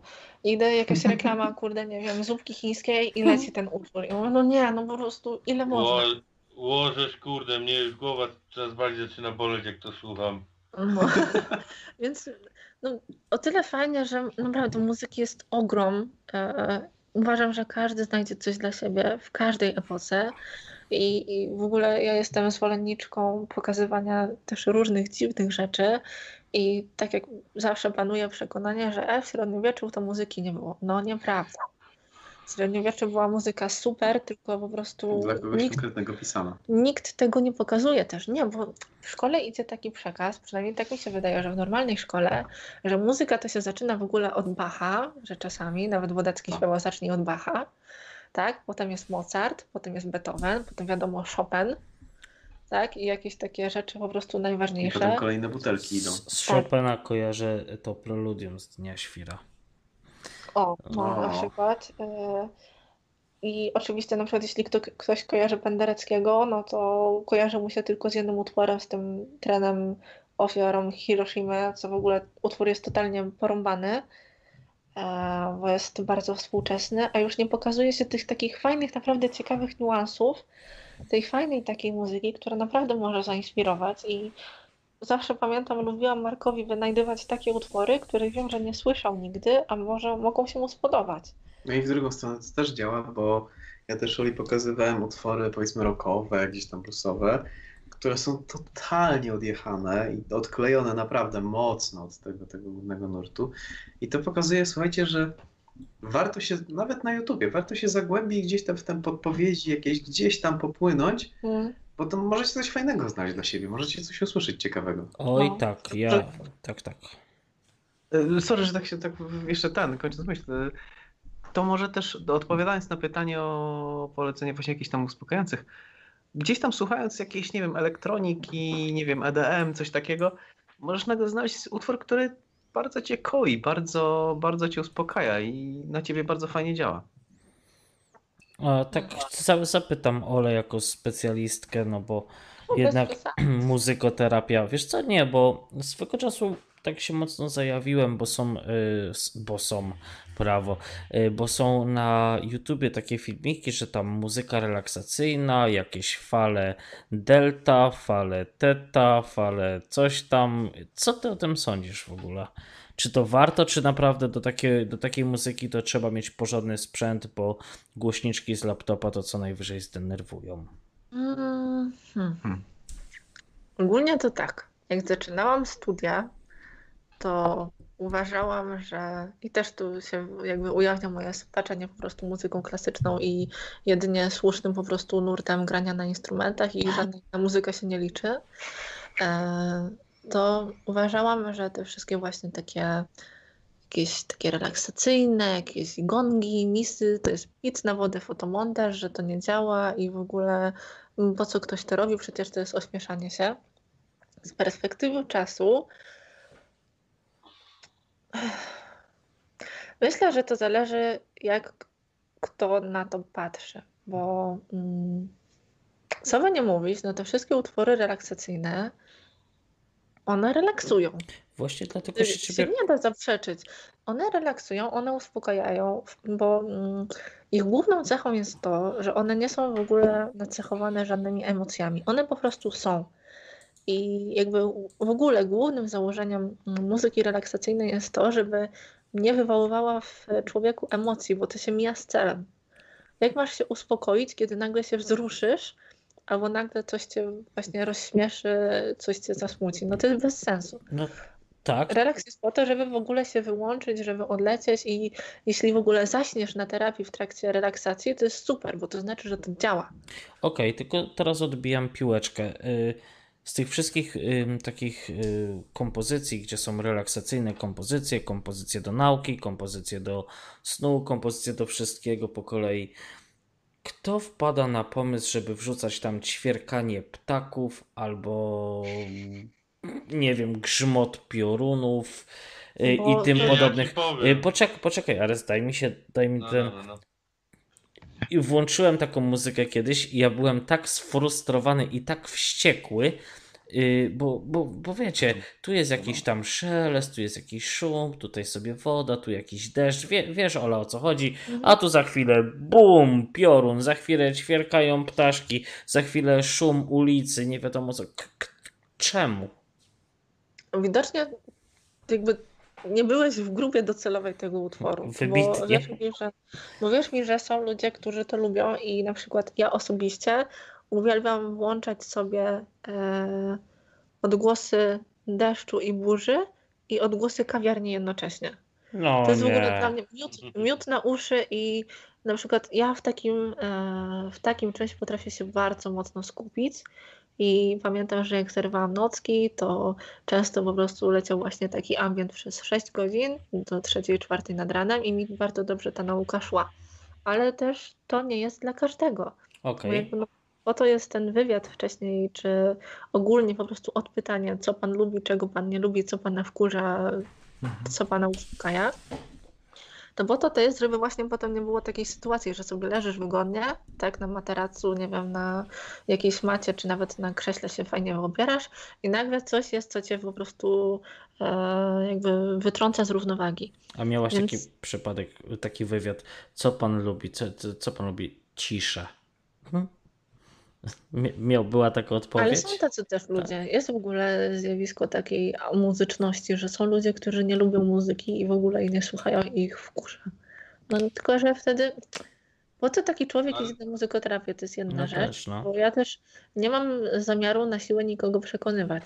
Tak, tak. To... Bo, to jest, bo to jest ta terapia. No, też na przykład, no, mm, akurat y, osobiście nie prowadziłam takiej sesji terapeutycznej całej, ale proces terapeutyczny, muzykoterapeutyczny jest bardzo podobny do tego procesu na przykład na psychoterapii, czyli pierwsze zajęcia w ogóle są za darmo i to jest wywiad godzinny najczęściej, mhm. e, gdzie jakby mm, opowiadasz, opowiada się o tym, co się będzie robiło, na jakiej to będzie zasadzie, jak to może działać i w ogóle próbuje się wybadać, czy to zadziała.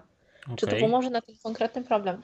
Jeśli ktoś e, przychodzi do mnie i mówi, że wie pani co, bo ja to w ogóle muzyki nie lubię, tylko żona mnie zmusiła, załóżmy, okay.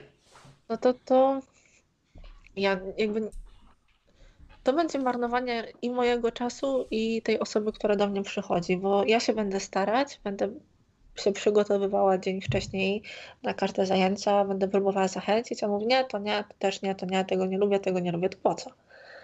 Więc jeśli ktoś przychodzi i mówi, że lubi ciszę, to ja mówię okej, okay, tylko że to niech pan sobie kupi słuchawki wygłuszające i niech pan sobie poleży przez godzinę, skoro to panu pomaga.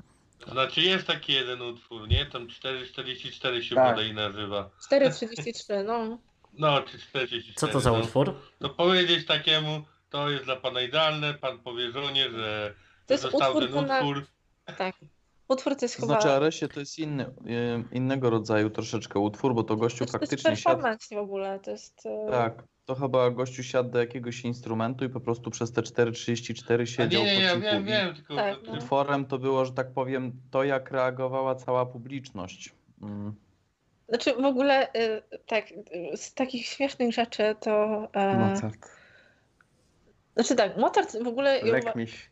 Nie, w ogóle uważam, że takim jednym z fajniejszych rzeczy, tylko ja cały czas nie mogę znaleźć tego utworu, muszę chyba napisać do mojej nauczycielski, do nauczycielki, jest utwór z albo średniowiecza, albo renesansu, który polega na tym, że przez cały jego czas trwania e, wykonawcy wydają odgłosy z męskiego kibla. I to jest utwór z wieku, nie wiem, XIII, jakoś tak, 13, nie wiem, 12, 13, 14 wiek, nie pamiętam dokładnie, gdzie normalnie po prostu przez cały utwór są y, beki, pierdy, pociąganie nosem i śmiechy. I, i to jest utwór, to jest To jedna jest coś rzecz. dla nas, możemy to zagrać. Swojski ambient, no. I, i to, i, gdzie na przykład, no, to się przecież wydaje, nie, że muzyka klasyczna taka poważna, a cholera tam nieprawda. To jest jedna rzecz. Mozart napisał utwór, który się nazywa Polisz mnie po dupie. E, też taki niby poważny kompozytor. E, w ogóle Mozart to był alkoholik i seksoholik, więc e, tutaj czar pryska, jeśli ktoś mówi, że e, taka fajna jest muzyczka. No muzyczka fajna, tylko fajnie by było jakby nie chlał cały czas. E, to jest jedna rzecz. E, No, w ogóle te współczesne wszystkie utwory też są często śmieszne. E, I na przykład ja mam e, kolegę z klasy kompozytora, on teraz w Londynie studiuje i pamiętam, że mm, w ostatniej klasie liceum brał udział w takim konkursie kompozytorskim, gdzie e, deadline na oddawanie prac kompozytorskich był na 2 stycznia. Więc on zabrał się za pisanie tego utworu 31 grudnia w Sylwestra. Rychło w czas. Na imprezie po prostu opowiadał nam, co on tam będzie miał w tym utworze. On odwalił totalne po prostu jakieś tam porąbane rzeczy, gdzie e, my ogólnie z tego wszystkiego nazwaliśmy ten utwór roboczo kupa śmiechu.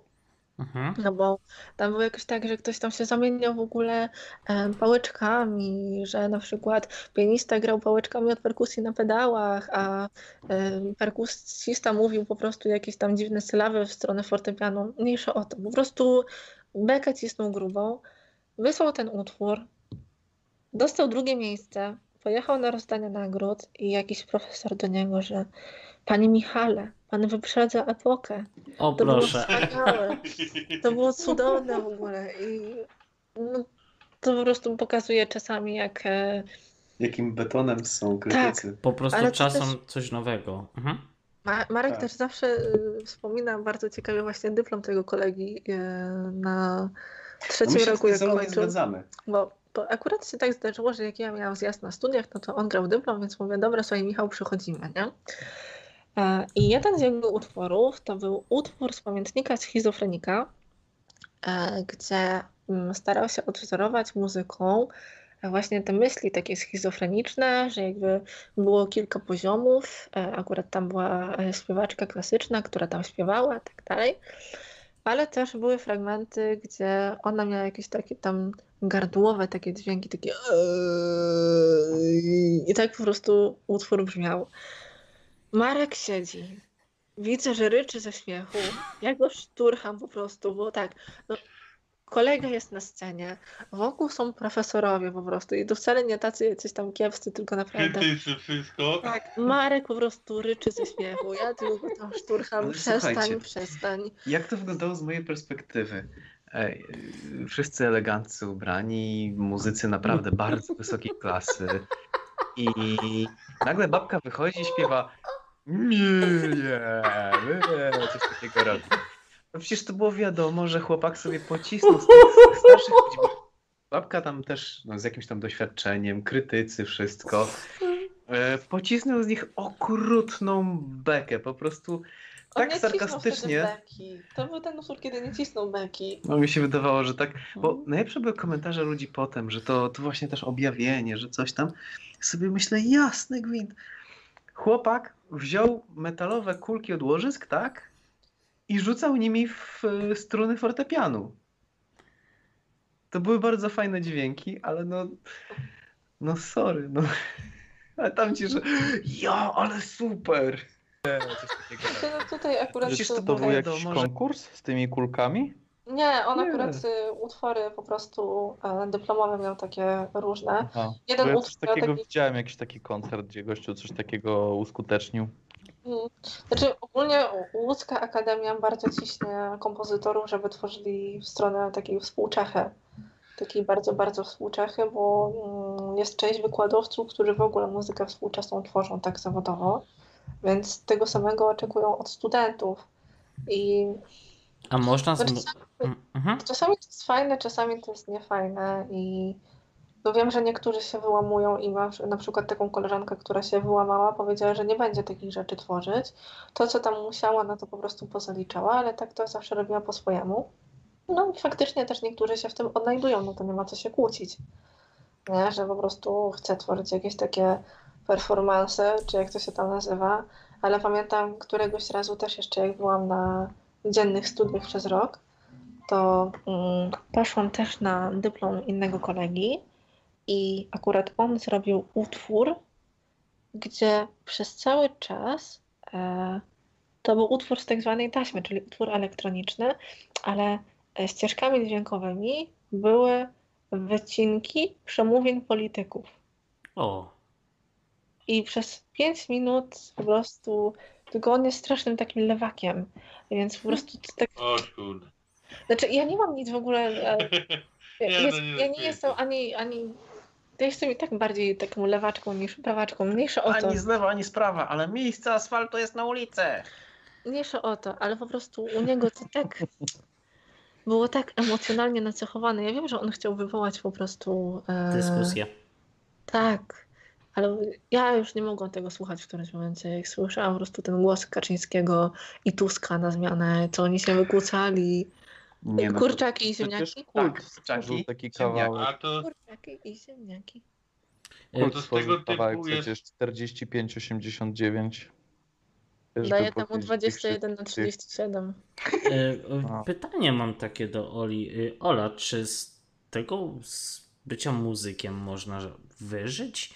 Nie chodzi mi o jakimś tam disco-polowcem, tylko takim gościem, który na przykład tworzy muzykę. Jeśli powiem ci, że wszyscy moi znajomi wyjechali właśnie, to da ci to jakiś A, ogląd? dobrze, dzięki. Znaczy ogólnie, ogólnie No. mm, To już rozumiem. jest ten problem, bardzo, w- zapraszamy do Irlandii jakby co. no, bardzo w Polsce jest problem, e, jeśli chodzi o wynagrodzenia muzyków, bo cały czas, nawet wśród takich dużych firm, które organizują koncerty, panuje przekonanie, że muzycy się zgonią, zgodzą na granie bez umowy, na zmienianie stawek w trakcie prób, na mm, będzie pani miała tak, że będzie pani miała do portfolio. Bardzo dużo tego jest. E, nie powiem, nie będę mówić dokładnie jakie gwiazdy, ale mam na przykład koleżankę, która współpracuje z jedną firmą taką, Mhm. e, która e, robi koncerty z polskimi gwiazdami. No, takie dość duże, sławne, na- znaczy dość duże. To No, bez nazwisk, żeby nie robić tak. problemów, prawda? E, I oni mają próbę, ale po prostu y, usłyszeli na próbie, że słuchajcie, umowy będą wieczorem. No to okej. I przychodzą na wieczorną próbę, pytają, gdzie są umowy. Oni, nie, wiecie co, umowy to będą jutro. Oni tak patrzą, nie, nie, nie, to albo nam dajecie umowy, albo my wychodzimy z próby. Nie? Mhm. I w końcu zrobili tak, że po prostu wyszli z próby. E, umowy w, ostatecznie dostali, no bo wiecie, wystraszyli się, że na kilka dni przed koncertem nagle orkiestra nie chce grać, a wszyscy po prostu solidarnie, jak jeden mąż, wyszli z próby, nie? Mhm. Jak, jak gdzie macie orkiestrę na przykład, nie wiem, tam 50 osób, no to nagle się problem robi. E, więc w końcu, jak się ta gwiazda, która z nimi grała, dowiedziała, to powiedziała, że mają indeks te umowy w końcu. Ale no straszny jest problem. Tym bardziej, że nawet e, muzycy w takich filharmoniach e, większych polskich, oni zarabiają bardzo, bardzo mało. Najczęściej ci muzycy ciągną po kilka etatów i to jest na przykład tak, jeden etat w filharmonii, uczą w szkole, uczą na akademii muzycznej i jeszcze na przykład dorabiają sobie grając na ślubach. Żartujesz, aż taka bieda? No jest straszna bieda i... No Popolina jest. O matko Jeszcze tak, no bo wiecie, no nie, mało osób jest takich, które zostaną solistami. No Mhm. to jest po prostu tak mały odsetek, że no, rzadko to się zdarza. Większość jednak skończy gdzieś tam, e, znaczy skończy, po prostu będzie grała w orkiestrach, będzie uczyła w szkole, e, ewentualnie właśnie będzie grała w jakichś tam zespołach takich Muzyka kameralnych. reklamowa jeszcze też czasami, gdzieś tam takie rzeczy. Ale to młodzi najczęściej Tak, tak. i to też musisz mieć znajomości. To już idzie tutaj taki panto, taka droga pantoflowa, że no, to jest masakra.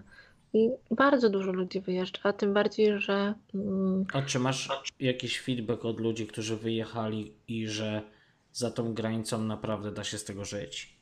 tak, jest na, zupełnie inaczej. Właśnie ten mój kumpel, ten kompozytor, on e, wyprowadził się do Londynu, tam studiuje na, nie pamiętam, co jakieś tam dwie uczelnie mniejsze o to. Mhm.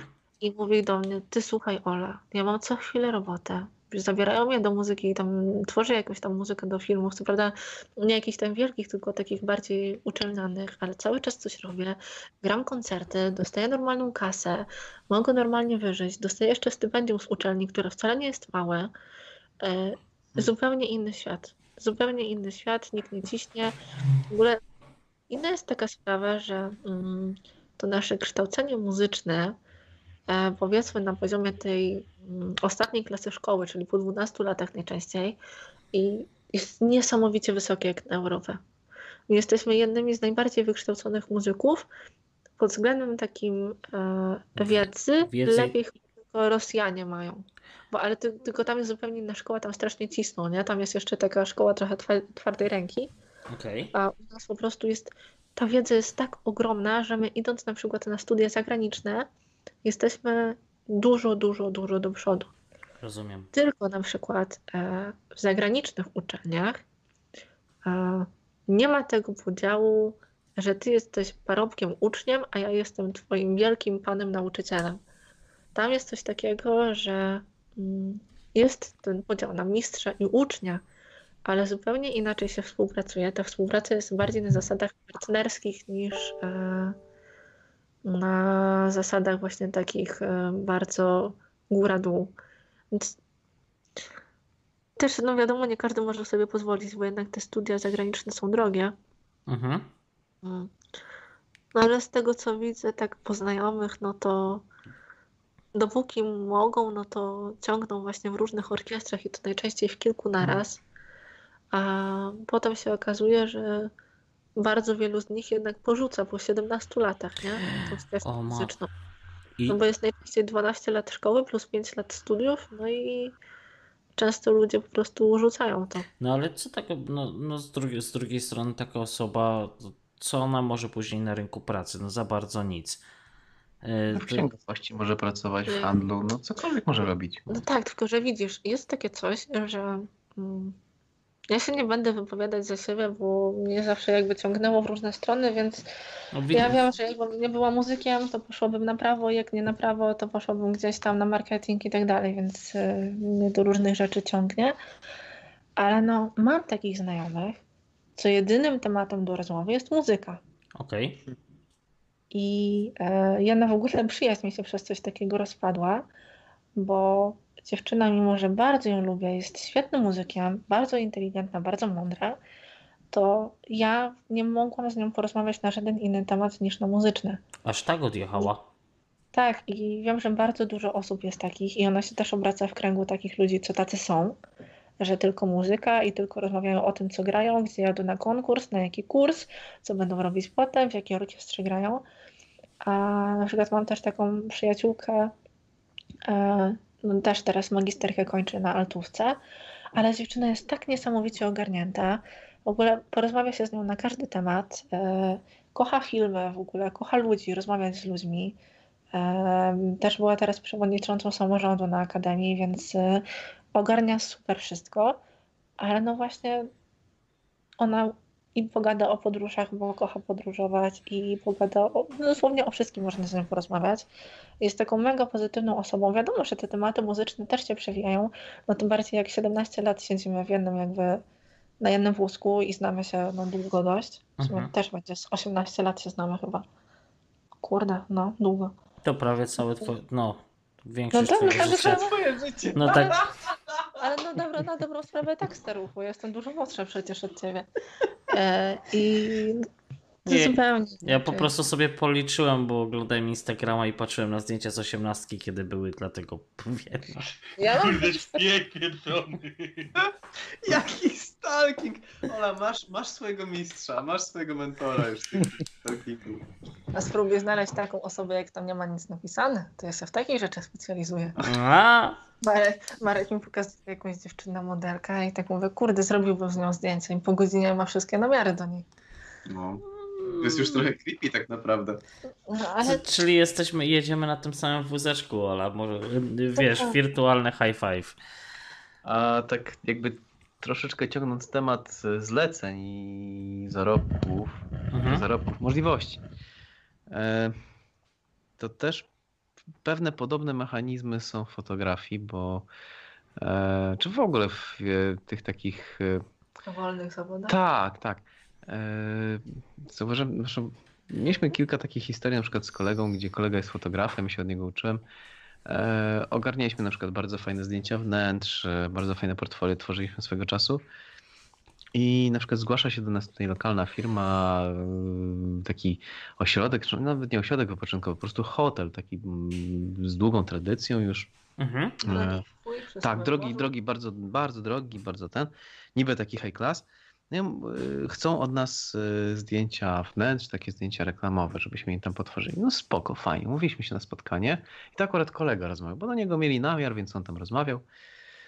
Ja pamiętam, że pierwsze co jak przyszliśmy, we dwóch, to e, właściciel nie powiedział tam, nie wiem, dzień dobry, coś tam, tylko pierwsze co usłyszeliśmy to było, o, to panów jest dwóch, to pewnie będzie drożej. A. To ja już się spodziewałem, że usłyszałeś, o, to będziecie robić do portfolio. Nie, nie, bo mm, daliśmy im cenę, może nie unijną, ale daliśmy im cenę normalną, taką, gdzie faktycznie pokrywała nasze koszty, jeszcze coś tam zarabialiśmy. Mhm ale skończyło się na tym, jak się potem, bo nie wzięli nas oczywiście, skończyło się na tym, że jakiś znajomy chyba właściciela, albo ktoś z rodziny, już nie pamiętam, e, w zamian za kilka noclegów tam zrobił im zdjęcia. A, no, a, z iPhone'em. A co to? No bo w Polsce, w Polsce się nie szanuje freelancerów, nie wiem czemu. Tak, tak, tak, tak. A później ludzie kończą płacąc dwa razy tyle jakiejś firmie, gdzie jakiś profesjonalny freelancer mógłby im to zrobić. Wiesz co? Ludzie sobie myślą, tak. że to jest tak, że o, on to sobie tam dorobi, a to jak, jak to rzeczywiście tak jest, to jest dobrze, ale w większości przypadków to są ludzie, którzy profesjonalnie, zawodowo to robią. I... To jest inna jakość, nie? Nie mam pojęcia. W Polsce się nie szanuje tego. Nie mam pojęcia jak wygląda, y, tylko dokończę, nie mam no. pojęcia jak wygląda to w y, muzyce i fotografii, ale y, polecam dla śmiechu i beki wpisać sobie Y, na portalu freelancer.com, y, tam grafika komputerowa albo strony A. internetowe, y, banery, te klimaty, padniecie ze śmiechu. Ja mam wrażenie, niedługo ci ludzie zaczną dopłacać, żeby móc zrobić zlecenia. Słucham was dalej. A nie, panie, tam to teraz yy, i Indianie, nie Indyjczycy. Tak, Hindusi to w ogóle... dużą część tego u nich jest inna ta, to dla nich to jest y, Wiesz, cena, cena mniej więcej na igrynek, nie? A tak, i, strona, strona internetowa za 3, e, za 3 dolary 99 centów. Y, o. No. Jest, o, ja. Tak, tak, tak, tak to wygląda. To, i, I oni jeszcze mają do tego jakieś super boty na tej zasadzie, że tylko wrzucasz ogłoszenie albo cokolwiek się pojawia i już jest i już ten bot... Już od razu masz 20 odpowiedzi, nie? Dokładnie, w, w, w, w nanosekundę, prawda? I, i, I to są odpowiedzi typu y, zro, zrobię ci stronę internetową y, za 3,99, a galeria y, tam filmowa czy do, do fotografii ekstra 2 centy, prawda? Ale zobaczcie, to jakby ta branża sama się psuje od środka. Bo jeśli na przykład ktoś, e, tak, ja wiem jakie są koszty na e, zrobienia zdjęć e, ślubnych, nie tam paliwa i tak dalej, no liczysz sobie mniej więcej amortyzację sprzętu, czas, Photoshop kosztuje ile? Podstawowej ten chyba 24 euro? Za tak, miesiąc czy za rok? Za miesiąc, za miesiąc. O, za to miesiąc. sporo, no.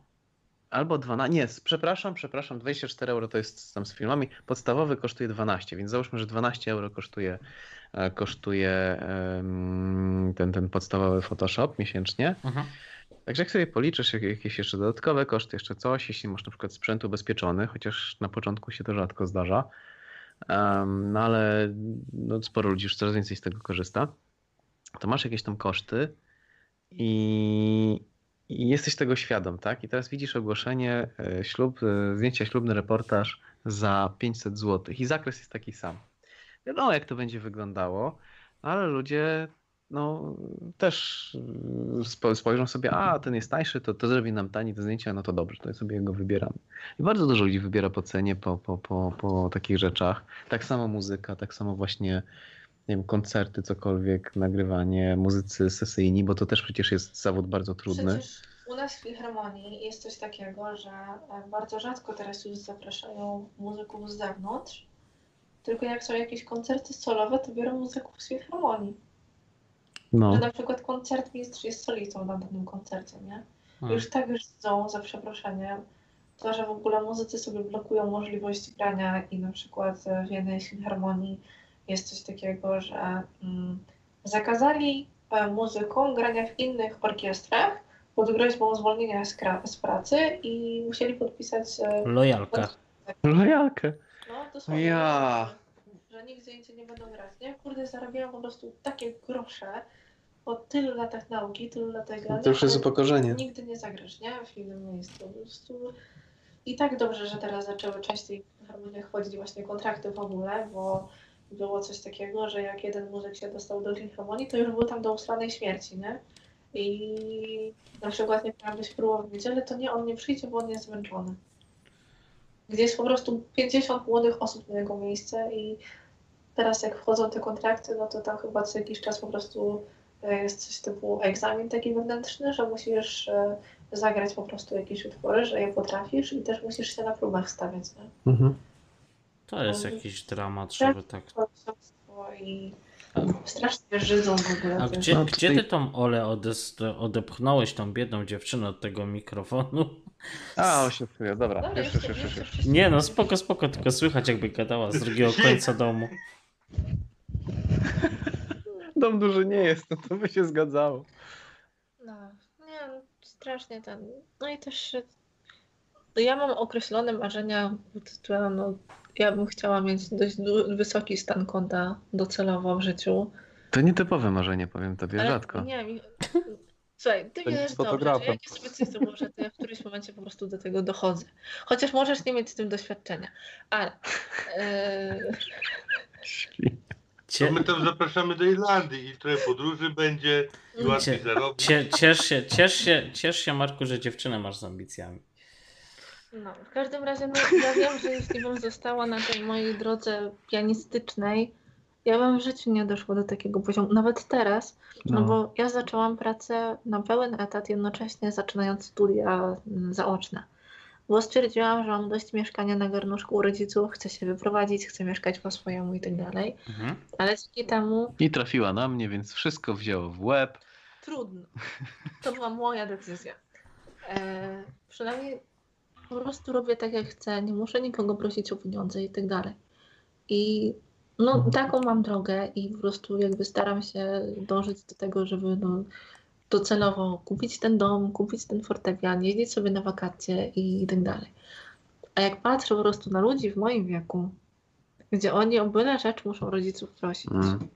Co chwilę jest coś tam, że słuchaj Boże, mój tata znowu mnie tak wkurzył. Ja mówię, to weź pracę i się wyprowadź.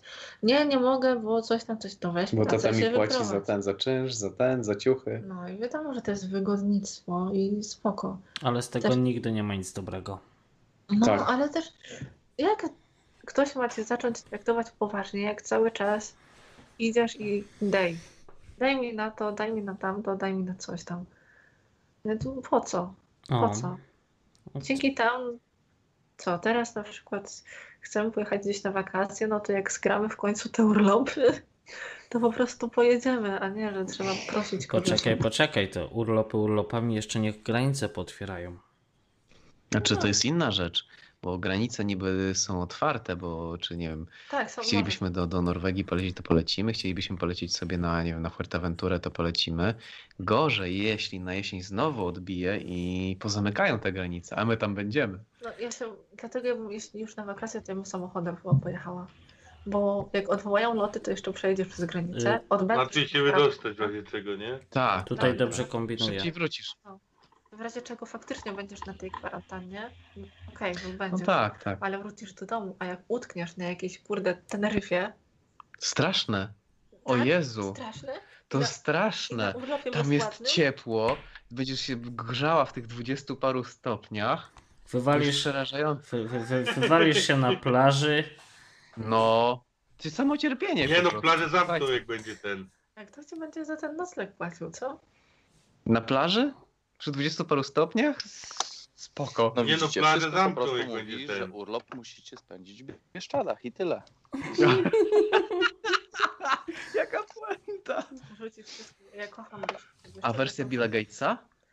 A może rzucić wszystko i kupić sobie Bieszczady? Albo przy twoim obecnym stanie konta, jaki produkt Apple możesz kupić? Bill Gates, Apple. Nie, na wakacje by się udało pojechać, nie? Pojedziemy. Słuchajcie, No może go się odwiedzimy, zobaczymy. Ja bym jeszcze tylko chciała się dowiedzieć, kiedy ja mam termin obrony, bo już tyle wersji słyszałam, że a to taki rozgardiaż macie tam, że nie wiadomo co i kiedy?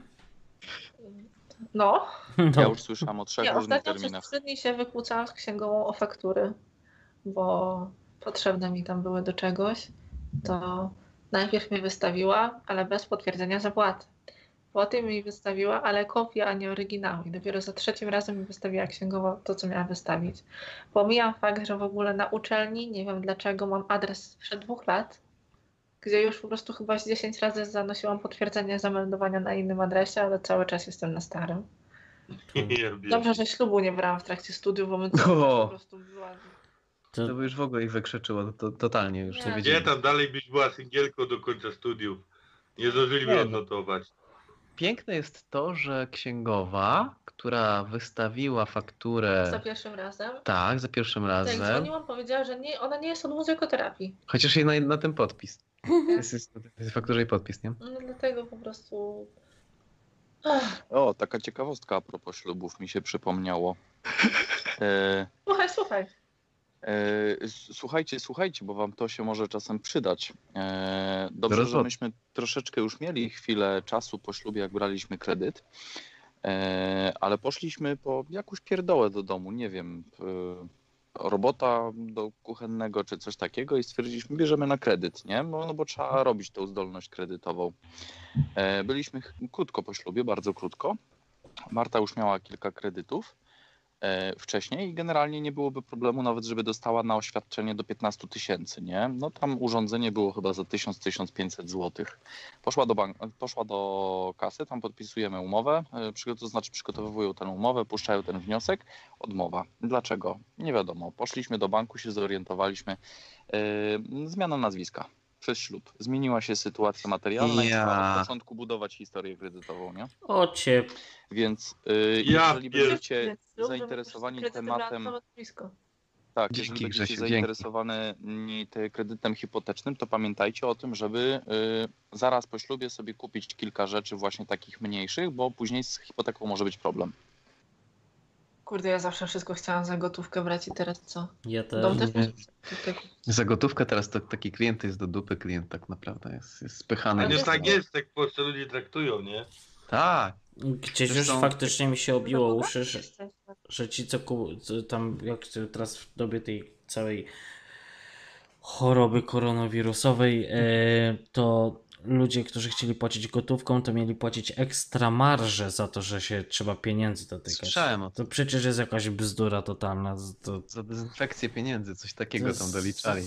No bo one już są wydrukowane, nie da się oszukać. Ja pierdzielę. Ale... To, ja to słyszałem, to Leni chyba miał tak problem, że to idzie do, że co był w sklepie, to raz mu karty nie chcieli przyjąć, raz gotówki. Tak, byli, mieszkałem z żoną przez 3 miesiące, no niecałe 3 miesiące, ona była 3 miesiące, ja niecałe 3 miesiące w Dublinie, a musicie wiedzieć, że Ares też mieszka w Dublinie. I wszędzie, gdzie poszedłem. nie ma problemu z tym. On nie miał problemu, a wszędzie, gdzie ja poszedłem, nigdzie nie mogłem zapłacić. Ale właśnie powiedzcie, jak to jest y, w Anglii? Z, no, w jakiej Anglii? Proszę mnie nie obrażać. My mieszkamy w Irlandii. No dobra, inaczej, na wyspach, na wyspach. A nie, nie, nie, nie, nie. Irlandia, nie Anglia. My z nimi nie mamy nic wspólnego. Jacek, Jacek mieszka w Jacek mieszka y, na wyspach, ale co chcesz wiedzieć? Jeśli chodzi o, o wirusa, jakie jest podejście? Bo u nas na początku, zresztą tak jak na całym świecie pewnie wszyscy spanikowali, ale bardzo szybko ludzie zaczęli to Olewać ciepłym moczem. Już ci przyjacielu odpowiem. Tam, gdzie mieszka Ares jest normalnie. Wszyscy mają to w dupie. Kompletny laj, to, y, to... Po, pomijając fakt, że tam wiesz, rząd sobie jakieś regulacje wprowadza i coś tam, wie, są jakieś obostrzenia. Okej, okay. ale w Dublinie wszyscy mają to centralnie w nosie. Ja mieszkam na północnym zachodzie w Sligo, możecie sobie wygooglować jak chcecie. Tutaj ludzie są tak niebotycznie zesrani, że jak z żoną moją szedłem ostatnio od naszej y, córeczki tam z, ze szpitala, no bo ona noworodek i w ogóle jeszcze tam musi być y, pod kontrolą, szła na wprost nas kobieta. Jak nas zobaczyła, że my idziemy bez maseczek, to po prostu uciekła. ominęła nas takim. Nie, nie, nie, nie, nie, że ucie... Ludzie tam wiesz, się, na przykład trzeba specjalnie się nie myć, żeby ludzie do ciebie nie podchodzili, to teraz maseczki nie zakładasz. Wiesz co, to chodzi o to, że nie, nie że zawróciła i uciekła, po prostu uciekła na zasadzie, że nas okrążyła takim kółkiem, jakbyśmy byli trendowaci i jeszcze rzucali zakrę... zakręciami jakimiś. To, to było. To, to było to, to, to było bardzo. Wiesz, na przykład y, sytuacja. No, w Lidlu tutaj u nas y, lokalnym byłem z cioteczką moją gdzieś tam na zakupach, poszliśmy, no i wiecie, mają przed kasami są takie te naklejki co dwa metry, że prosimy trzymać dystans, nie? No tak, wszędzie teraz jest. No właśnie się zastanawiam, kto na tym zarabia, ale to, to do tego wrócimy. Y, do tego wrócimy. Jak ci gość nie szpulnął na, na, na tą, na moją ciotkę, bo ona się tak wychyliła, że tak zeszła z tej naklejki i wychyliła się, żeby sobie coś położyć na taśmę już przy kasie. A ten ci na nią, że proszę trzymać dystans, proszę trzymać dystans. Ona mówi, że no okej, okay, okej, okay, nie, coś tam, ten, że wiesz... I, I tak stała i wiesz, i, i, i już tak do końca stała, że ten gość już poszedł i tak już było między 6 albo 8 metrów między nimi, bo gość już był za kasą, a ona jakby przed jeszcze i, i wiesz, i on się tak później do niej, wiesz, uśmiecha, że coś tam, myślę, na, naprawdę, nie, ludzie naprawdę, wiecie, problem polega na tym, że za dużo telewizji. Dali, tak. dali ludziom pieniądze, siedźcie w domu, nie wychodźcie. I taki kokoning tutaj się uprawiało, że wiesz, w zasadzie przelew ci przychodził z urzędu co tydzień na, y, na konto. Miałeś w zasadzie równą wartość albo trochę mniej wypłaty swojej. I, I wiesz, i siedzisz sobie w domku, nie musisz nigdzie chodzić i ludzie odpalili telewizory. A tam paski, żółte paski, czerwone literki, kolejne śmierci, kolejne nie wiadomo co. Pokazywali te grafiki, te trumny, co później powychodziły, że jakieś pierdoły. Ale wiecie, ludzie już tego nie łapią.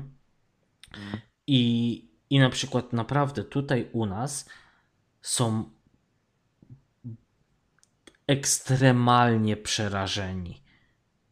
I teraz jest tak, że u nas w mieście wychodzi na to, że jest tak połowa ludzi, którzy mają to centralnie w nosie, a druga połowa ludzi jest, jest tak obsrana, za przeproszeniem, że y, teraz mamy dwie takie turbo skrajności. Jedni chcą żyć normalnie, chcą iść do restauracji, chcą gdzieś wejść. Y, wiecie, my, żeby teraz wejść do szpitala na odwiedziny do naszej córeczki, to jest w ogóle Armagedon. I doszło do tego, że się prawie pobiłem z, z ochroniarzem i dostałem list taki y, żelazny tam z oddziału, że po prostu go pokazuję i mnie przepuszczają, żeby już nie było problemów więcej. Yeah. Y, bo, bo, bo wiecie, maseczki, dezynfekuj ręce, nie wiadomo co. I teraz taka ciekawostka. Spędziliśmy te trzy miesiące w, w Dublinie, gdzie jest najwięcej przypadków. Tam było tego koronawirusa. Spędziliśmy je w szpitalu, który miał tam kilkadziesiąt tych przypadków do kwietnia yy, osób z tym koronawirusem. I żeby było śmieszniej, yy, chodziliśmy na oddział, gdzie tam właśnie są dzieciaki i w ogóle mniejsza z tym. Absolutnie żadnych maseczek, żadnych ubrań, żadnych rękawiczek. Yy, normalnie luz. Tylko trzeba było dezynfekować ręce tym takim żelem. Wiecie o co chodzi, pewnie cały świat No już tak. nim zalali. Dokładnie. W Sligo u nas? Człowieku. Chyba łatwiej wejść, nie wiem, do laboratorium, gdzie wynajdują szczepionkę na cokolwiek i, i wyłożyć nogi na blat, niż, yy, niż do na, u nas przejść przez ochronę, te wszystkie inspekcje. Jeszcze dobrze do szpitala nie wchodzisz, jak już warczą, że proszę zakładać maseczkę, nie? Także nie, to jest, to jest dramat. W sklepach nam wprowadzają od. Yy, od poniedziałku. Od poniedziałku będziemy mieli teraz w sklepach i obowiązki, obowiązkowo chodzić w maseczkach. Jeszcze jestem w stanie to ugryźć, jestem w stanie to zrozumieć, ale nie jestem w stanie zrozumieć ludzi, którzy w samochodach jeżdżą w tych maskach. Tak, o matko. No my o tym ostatnio gadali, że to jest kurde największa głupota, bo, bo z, z tego jeszcze wypadki się będą porobić, bo to nie można długo w takiej maseczce chodzić, nie? A Poza tym Bo inaczej dotlenienie mózgu i... no to wiecie, to No. Przecież dotlenienie, niedotlenienie to jest jedno, ale jak Ola na przykład nosi okulary, to często jak zakłada maseczkę, to po prostu okulary są białe natychmiast. Także to jest dramat O jakiś. to już całkiem. no.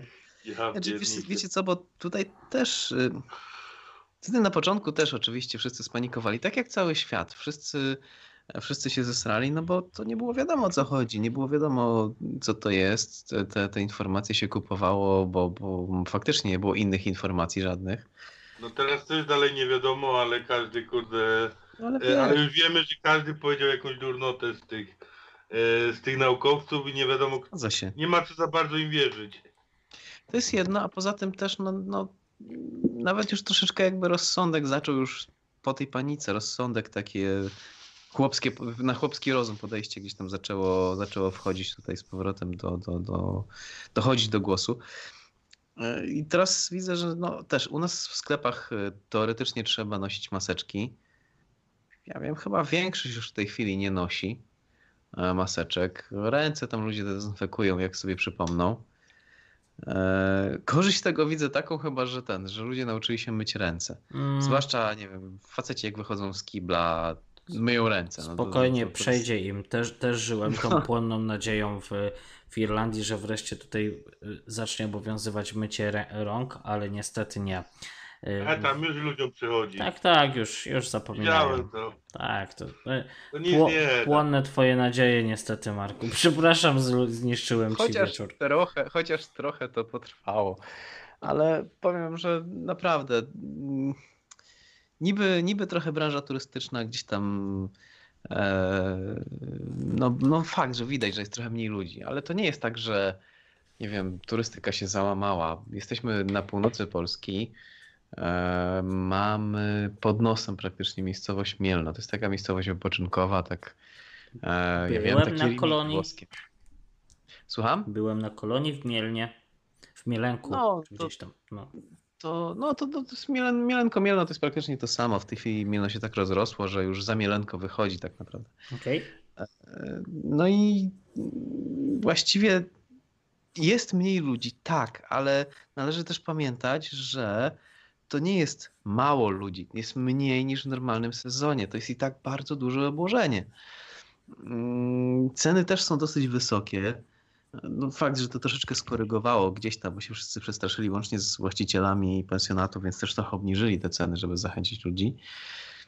Ale jak tak się zastanowię i tak usiądę, i zacznę sobie liczyć, patrzeć, to, to ja nie widzę jakiegoś tam kryzysu, nie wiadomo jakiego.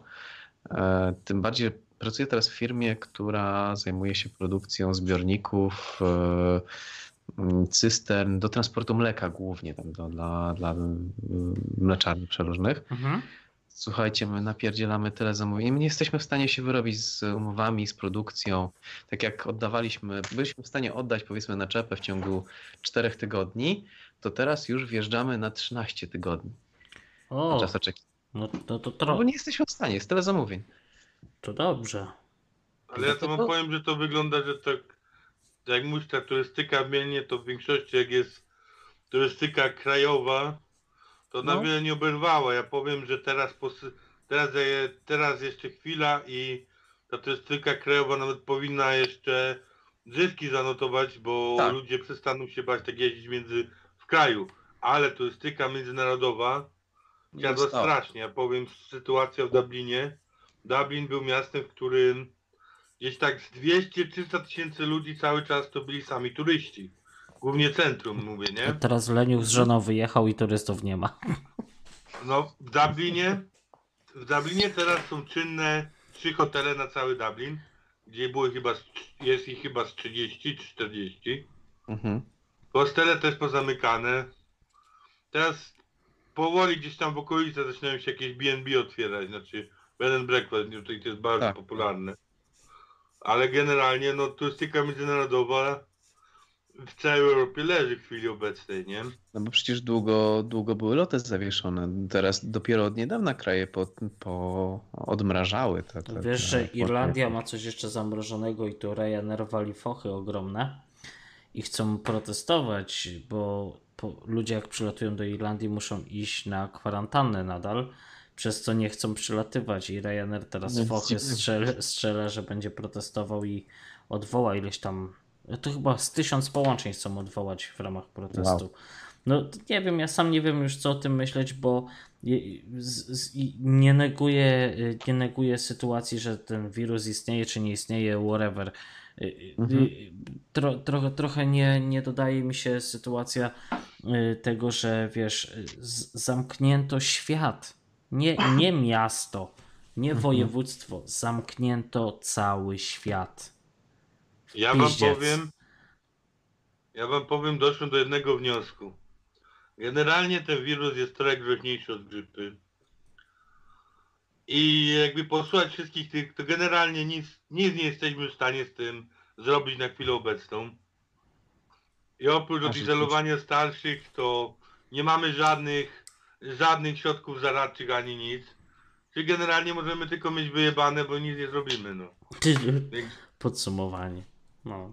No tak. A inaczej, inaczej już, już teraz to całe zamknięcie już skutkuje na tyle zwiększonymi e, samobójstwami ludzi z powodu utraty interesu, utraty pracy, depresją mhm. i tak dalej, że ja wiem, za 2-3 miesiące te same te samobójstwa przekroczą ilość ludzi, które umarło na, u nas w Sligo, na koronawirusa. U nas w Sligo już do kilku samobójstw doszło z tego powodu, także bo ludzie się zesrali, że przyszło, przyszedł kataklizm, nie wiem, apokalipsa i nie chcieli a zostać zabici. A ilu ludzi z Sligo umarło na koronawirusa?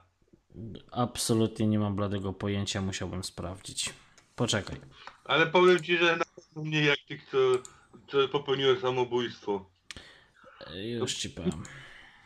Tam jest mało w ogóle na całą Irlandię, to nie jest to nie są wielkie liczby, nie ukrywajmy, nie? Zarażonych jest trochę, ale Dobra, śmierci, to niech Leniuszek nawet w Stanach szuka. Jest... Niech Leniuszek sobie no. szuka, a ja w takim razie otworzę swój Już, już, już wiem. 148 przypadków było potwierdzonych zgonów. Z... Czekaj. Eee, już, już, już, już, już, już, już. Eee ze statystyki jakaś jedna dziesiąta osoby. To absolutnie pokazuje kreseczkę, jakby nic, nie wiem. Jedna dziesiąta osoby, jakby no. To, to, tak statystyka jest sobie, no. Czyli umrzesz wewnętrznie, ale tylko trochę. Ja, na łeb dostaniesz. No mówię, więcej ludzi się popełniło samobójstwo przez to wszystko, nie? Ej, ale wiecie co? Ile przecież, ile rodzin się rozpadło albo przeżywa kryzysy, bo tak jak wszyscy, nie wiem, gonili do pracy, do szkoły coś i jakoś tam obok siebie żyli, to jest jedno, ale Tak. teraz siedzieli na dupie, musieli ze sobą rozmawiać, się okazało, że ta żona jest jednak chujowa, że ten mąż jest nerwiający, że no po prostu... A to nie, to są, to są rzeczy długodystansowe, to jeszcze będziemy dopiero widzieć w przyszłych Tak, kilku za- latach, jak podniesie się ilość rozwodów, rozbitych rodzin i tak dalej. Dobrze, Teraz jeszcze nie mogło się rozwodzić, bo jeszcze ten, prawnicy pozamykani, sądy No tak, pozamykane. tak. Bo To jeszcze gorzej. mam tutaj tak, Irlandia. Potwierdzonych przypadków w całej Irlandii od początku było 25 750. Ozdrowieńców tak zwanych mamy 23 364, więc zgonów 1753. O, prze- przyczyna. przez, przez y, jakby nie patrzeć pół roku. No to tak. To nie wiem. Jeszcze biorąc pod uwagę, że pewnie profilaktycznie osobie, która zmarła, bo ją bolał ząb, też wpisali Czekaj, koronawirusa. ile osób Właśnie. zmarło? Ile osób zmarło? 1753. 1700, dobra. E, dogadajcie sobie dalej, ja coś poszukam ciekawszego jeszcze. 1753. No w każdym razie to widzę, że podobnie jest, tylko jeszcze u was dłużej jakby trwa ta, ta, ta Wariacja. panika.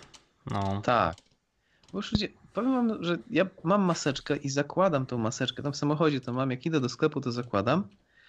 Ale nie dlatego, że nie wiem, boję się czy coś, tylko żeby nie robić, jak wpadnie kontrol, jak się trafi jakiś społecznik czy coś, żeby nie robić tym biednym ludziom, którzy tam pracują, którzy są Bogu ducha winni, jakichś problemów. Tak, tak. To tylko dlatego. Mm.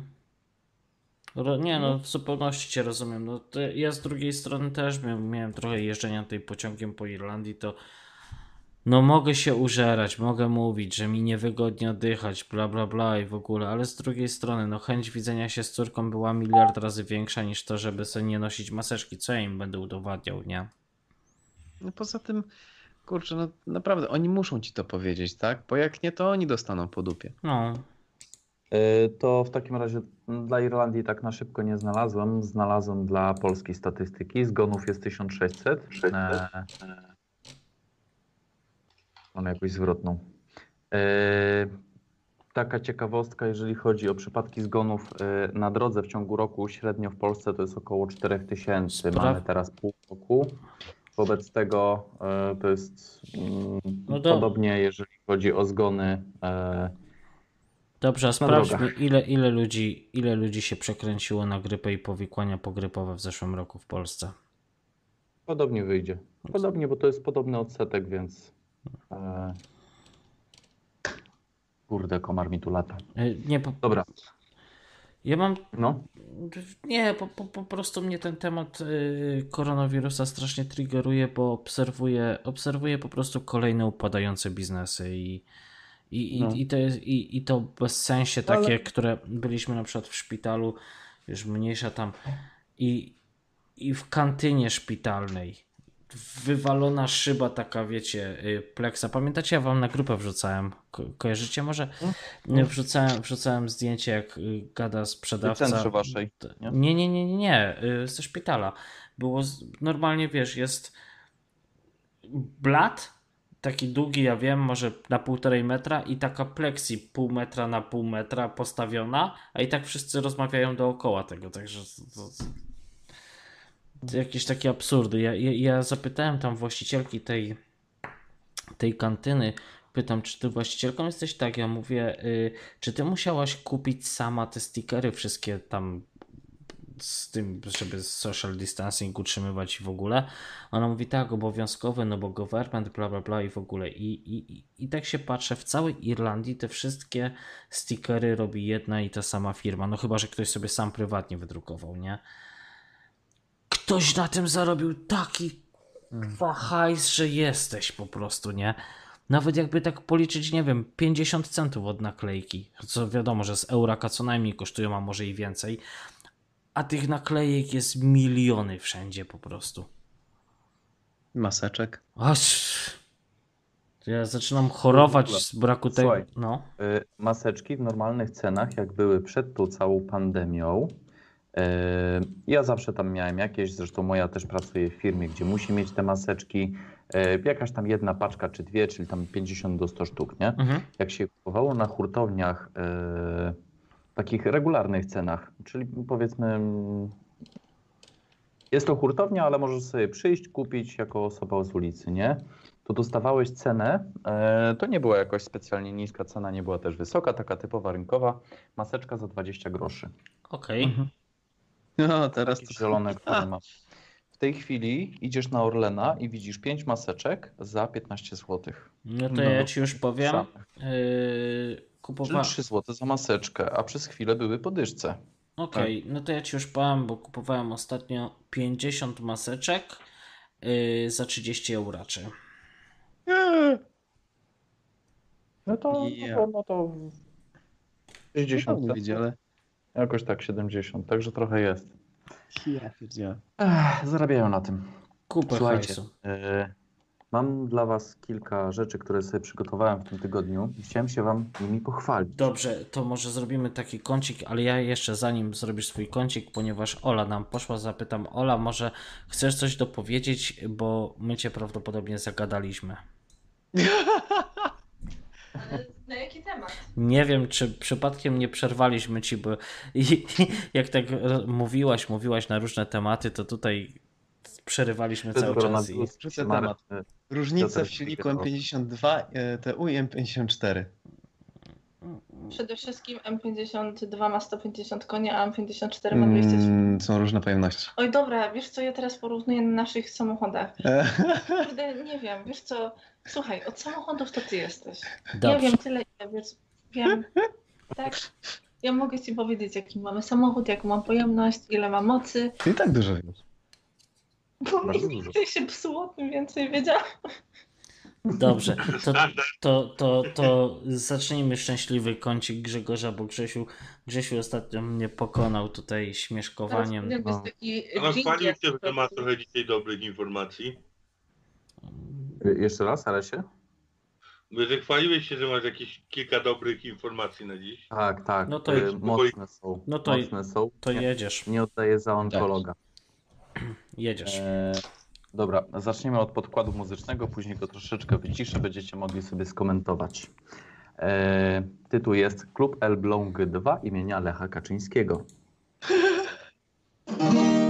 Piosenka dla ministra Łukasza Szumowskiego za jego walkę z wirusem, tym groźnym nowym tyfusem. Piosenka nie zna lekarzy, pielęgniarek, pielęgniarzy, radiologów, ratowników, medycznych pracowników. Nadeszła w końcu wiosna, świat zazielenił się. E, I teraz Wam opowiem scenerię, ponieważ tutaj nie mamy możliwości pokazywania tego wszystkiego. Ta muzyczka sobie cały czas poleci jeszcze przez chwilkę w tle. Mam nadzieję, że Wam się podoba. Tylko przecież, przecież, tak. żeby ciebie było lepiej słychać, no. Dobra. E, Wyobraźcie sobie takie stare OSP, żółte ściany, puszki gdzieś na ścianach i tak dalej, jakiś taki stół ze szkoły, poszarpany, ale przykryty jakimś takim pseudoobrusem, który czasem jest pewnie zasłoną. Jest sobie ekipa trzech gości, oczywiście Polska biało-czerwoni, szaliki takie czerwone-białe, nie? Jest jeszcze chorągiewka Elbląga. Jeden stoi z gitarą elektryczną, taką elektryczno-akustyczną, yy, drugi na klawiszach, trzeci przy basie, siedzi już, bo już jest yy, gruby praktycznie jak gruby jest praktycznie, zresztą z gęby wygląda bardzo jak ten, ten yy, redaktor z yy, Gazety Wyborczej, wyleciał mi z głowy, jak on się nazywa. Przecież tą nutę troszkę. No. Welman. Dobra, e, już ją wyłączam. E, w tle oczywiście mój prezydent Andrzej Duda, Gazeta Polska, Klub Elbląg. Oczywiście jest zdjęcie e, Leszka i tak sobie stoją i śpiewają, nie? E, ja nie rozumiem, nie rozumiem po prostu tego świata. E, spierdolenie umysłowe się po prostu wylewa. E, To już nie jest nasz świat, człowieku. uszami. E, ale teraz za gazeta.pl, e, dział wiadomości. E, Nie wiem, czy pamiętacie, jak w Końskim swego czasu prezydent podpisywał ustawę o transporcie kolejowym. E, Była taka dosyć mm, dosyć, dosyć charakterystyczna, dmuchana e, scena, gdzie tam prezydent sobie stoi e, na peronie kolejowym, siada do stolika, podpisuje tą ustawę, nie? Oczywiście Stolik, tak. blask fleszy, tak. I w siedzibie Starostwa Powiatowego w Końskich e, można obejrzeć stolik, przy którym Andrzej Duda w marcu Nie, kurwa. dworcu. Nie, Odbył się to pomysł nie. na koniec dworcu dla utrwalenia tego historycznego wydarzenia w siedzibie starostwa w Końskich powstało to szczególnie szczególnie upamiętniane najno, szczególne upamiętnienie najnowszych dziejów.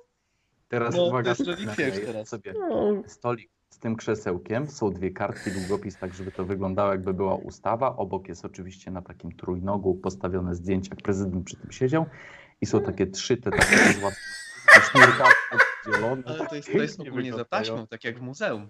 Tak, tak, jak, jak w muzeum. No mówię, nie ma możliwości pokazania wam tego. E, Wrzucę na naszą grupę telegramową to zdjęcie, żebyście mogli sobie e, również zobaczyć. To jest po prostu coś pięknego.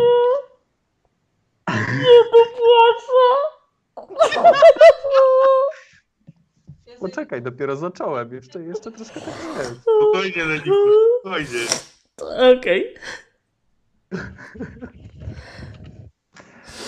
No, ale O oczywiście matko. mieliśmy teraz mieliśmy teraz wybory e, i teraz e, zrobimy konkurs, jaka to melodia. E, Ola zgaduje. E, Ola za jeden. Ola, Ola zgaduje e, za troszeczkę więcej niż jeden. E, kto napisał oryginał?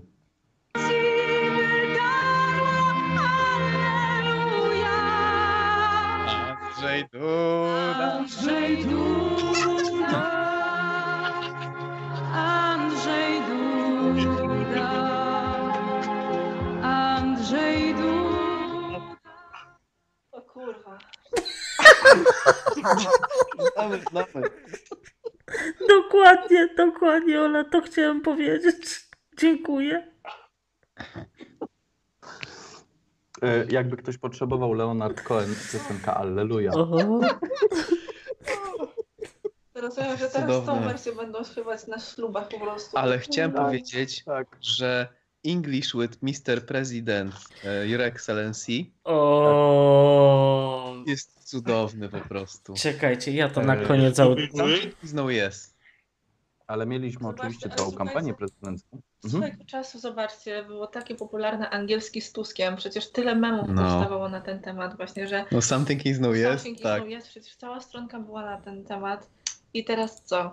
Teraz mamy naszego ukochanego prezydenta Andrzej. Duda, Andrzej Duda. Musimy uważać, bo już zamykają za niektóre rzeczy, ale e, e, także pilnujmy się z komentarzami. E, każdy ma Tak. swoją opinię Przecież na ten temat.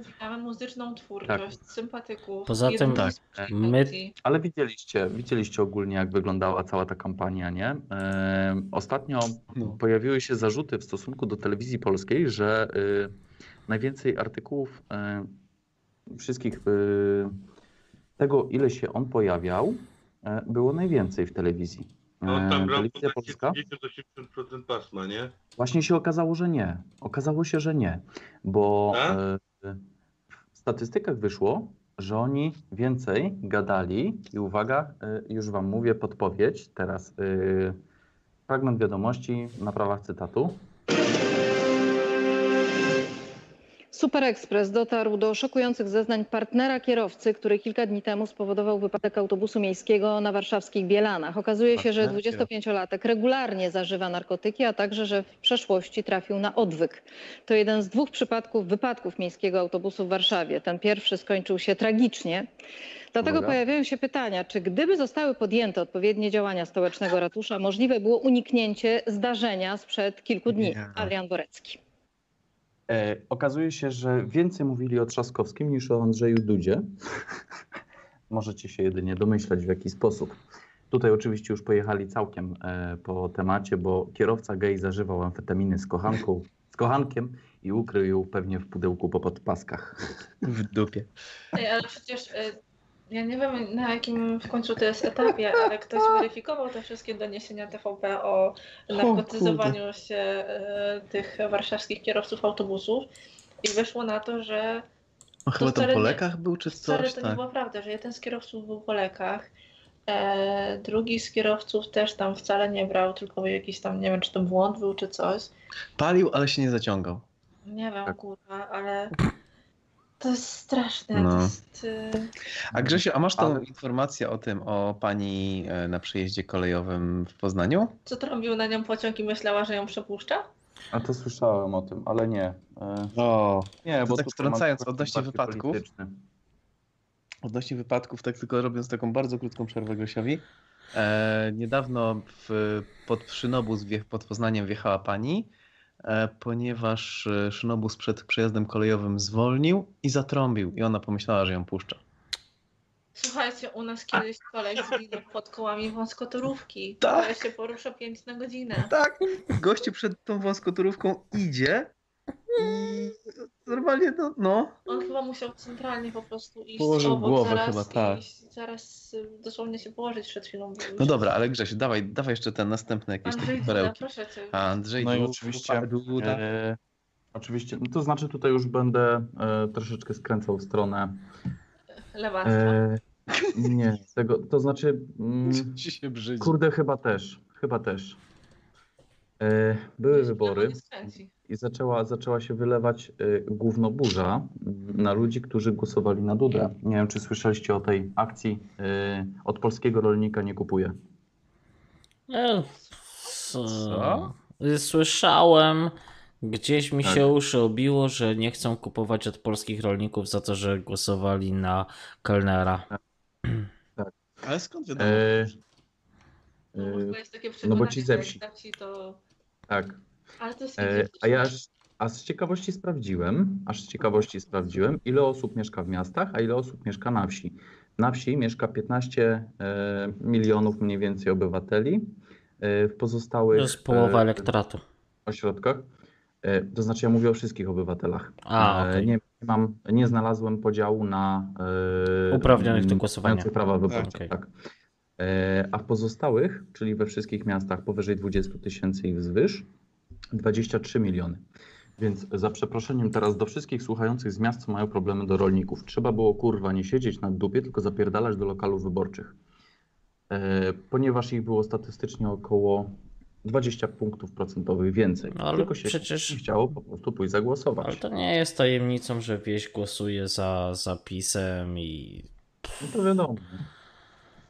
A to też nie do końca prawda, bo jak był, był ten konkurs na e, wóz strażacki, to Tak. tam bodajże z tych 16, e, z tych 16 e, wsi, co wygrały, to 10 z ni- u- w 10 z nich wygrał chyba Trzaskowski. tak, tak, tak, była jakaś Ale taka później statystyka. w drugiej, w drugiej akcji poprawili temat, bo już zrobili w taki sposób, żeby bardziej to sprzyjało właśnie Andrzejowi. No w ogóle akcja z wyborami jest taka, że do Irlandii w ogóle za granicę ludzie nie dostali kart albo dostali je w takich terminach, że nawet nie mogli ich, nie było szans, żeby je odesłać w terminie. Yy, Dostali Teraz karty. Ja słyszałem o tych pakietach właśnie, co na przykład szły do, przez Royal Mail i te pakiety, które wychodziły z Polski i miały lecieć na przykład do Wielkiej Brytanii, to yy, nie dokończyłem. znaczna część pakietów, No. to znaczna część pakietów została zatrzymana na granicy polskiej przez yy, ponad dwa tygodnie i wystartowały dopiero yy, na kilka dni przed samymi wyborami. Tak, no bo wiedzieli, że Troszkę zagranica, startowały. zagranica będzie Tak. głosowała na Trzaskowskiego, no to to zatrzymali bardzo ładnie, a do tego nasi znajomi, którzy, dosta, którzy, którzy, którzy dostali te pakiety. Poczekajcie, bo trochę już za dużo gadam i muszę się czegoś napić. Mm. Przepraszam, yy, bardzo profesjonalnie. Jednak yy, dostali pakiety bez pieczątek, bez niczego. Dziękuję za uwagę. To jest kpina. To, je- to No, Nie jest kpina. To jest kpina. Nawet jak wyślą, to już jest taki pakiet nieważny i dupa, nie? Ale wiecie, bo to jest też instytucja protestów wyborczych, że... Yy, Ale Tylko też tak, nie się to będzie chciało, nie? No właśnie. Nie wiadomo, ile będzie się chciało, na ile w ogóle oni temat będą mogli zweryfikować, na ile temat będą mogli ogarnąć. A i tak, oni mają w tej chwili ponad 50%, więc no jest jak jest, nie? Yy, znacie szkło kontaktowe? tak, TVN. Yy, wylewa się już troszeczkę z ludzi, coraz, coraz Kto nas częściej. zadzwonił? Dobry wieczór. E, Dobry wieczór Państwu. Ziobro kurwo O, mm, coś takiego się wydarzyło. Ja pierdolę. Co to było? No zadzwonił sobie pan, który stwierdził, że coś takiego powie. Ja pierdzielę. Gru... Popiera Ale- pana, popiera. Bar... Ta... Ludziom odbija po prostu. Mhm. To było, To są najmniej istotne wybory, a najwięcej sraki dookoła tego było. to, było ta... to było tak mocne, że aż sobie usiadłem. To Eee, poszło w, tele... to poszło w telewizji normalnie? Tak, w TVN-ie. No, Tylko, że Bo na żywo to leci. Nie, bo to jest na żywo. O, Ich ściągają po chwili, nie? Lepsze niż upierdolony stół. no. Tak, Rurku. Ja nie mogę. Yy, w ogóle zaczynają się ludzie wkurwiać. Zresztą nie wiem, czy kojarzycie, jak odpieprzyli, że e, słuchajcie, dostaniecie również i wy, nasi kochani emeryci i renciści, 500 plus bon turystyczny, żeby pojechać do Mielenka. A za co? Tym razem im dają, bo... zagłosowanie teraz- na PiS. Za? Tak, za głosowanie na PiS, nie? E, W poniedziałek po wyborach, jak już wiadomo było, że Duda wygrał, odrzucili wniosek ustawy. Jaka Ja wyjebka! pierdolę kamstwo. Ale wyjebka, ale... Po prostu perełka. E, ale spoko. E, teraz nie wiem, czy słyszeliście w ogóle tłumaczenia się Dudy odnośnie wynagrodzenia posłów. No To poczekaj, bo ja już podejrzewam, to będzie coś jak szydło, że im się po prostu należy za tą ciężką pracę i tym podobne, bo to, to, to, to, to, to... A to nie to E, z mieszkaniem w, w centrum Warszawy za 1000 zł? tak, to czekaj, to czekaj. Już, już, już wrzucam. E, Nie, tam to było o też- nagrodach, że im się po Ja prostu należy. pierdzielę. Ale wy macie tam Tak. ciekawie, muszę przyznać. Uwaga. Proszę Państwa, no ceny rosną. Tak, ceny, proszę Państwa, rosną. Ja sobie to- zdaję z tego sprawę, że ceny rosną, ale musicie mieć Państwo świadomość, że jak rosną wynagrodzenia, to niestety rosną też i ceny.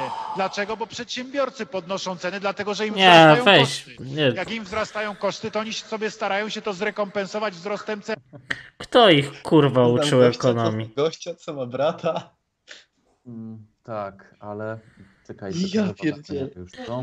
Bardzo podoba to wszystko, co masz jakieś te stronki dla madek, czy jakieś tam inaczej, co mówią, że powinno 500 plus być zwiększone, bo ona e, na początku programu mogła kupić więcej za to 500 zł niż teraz.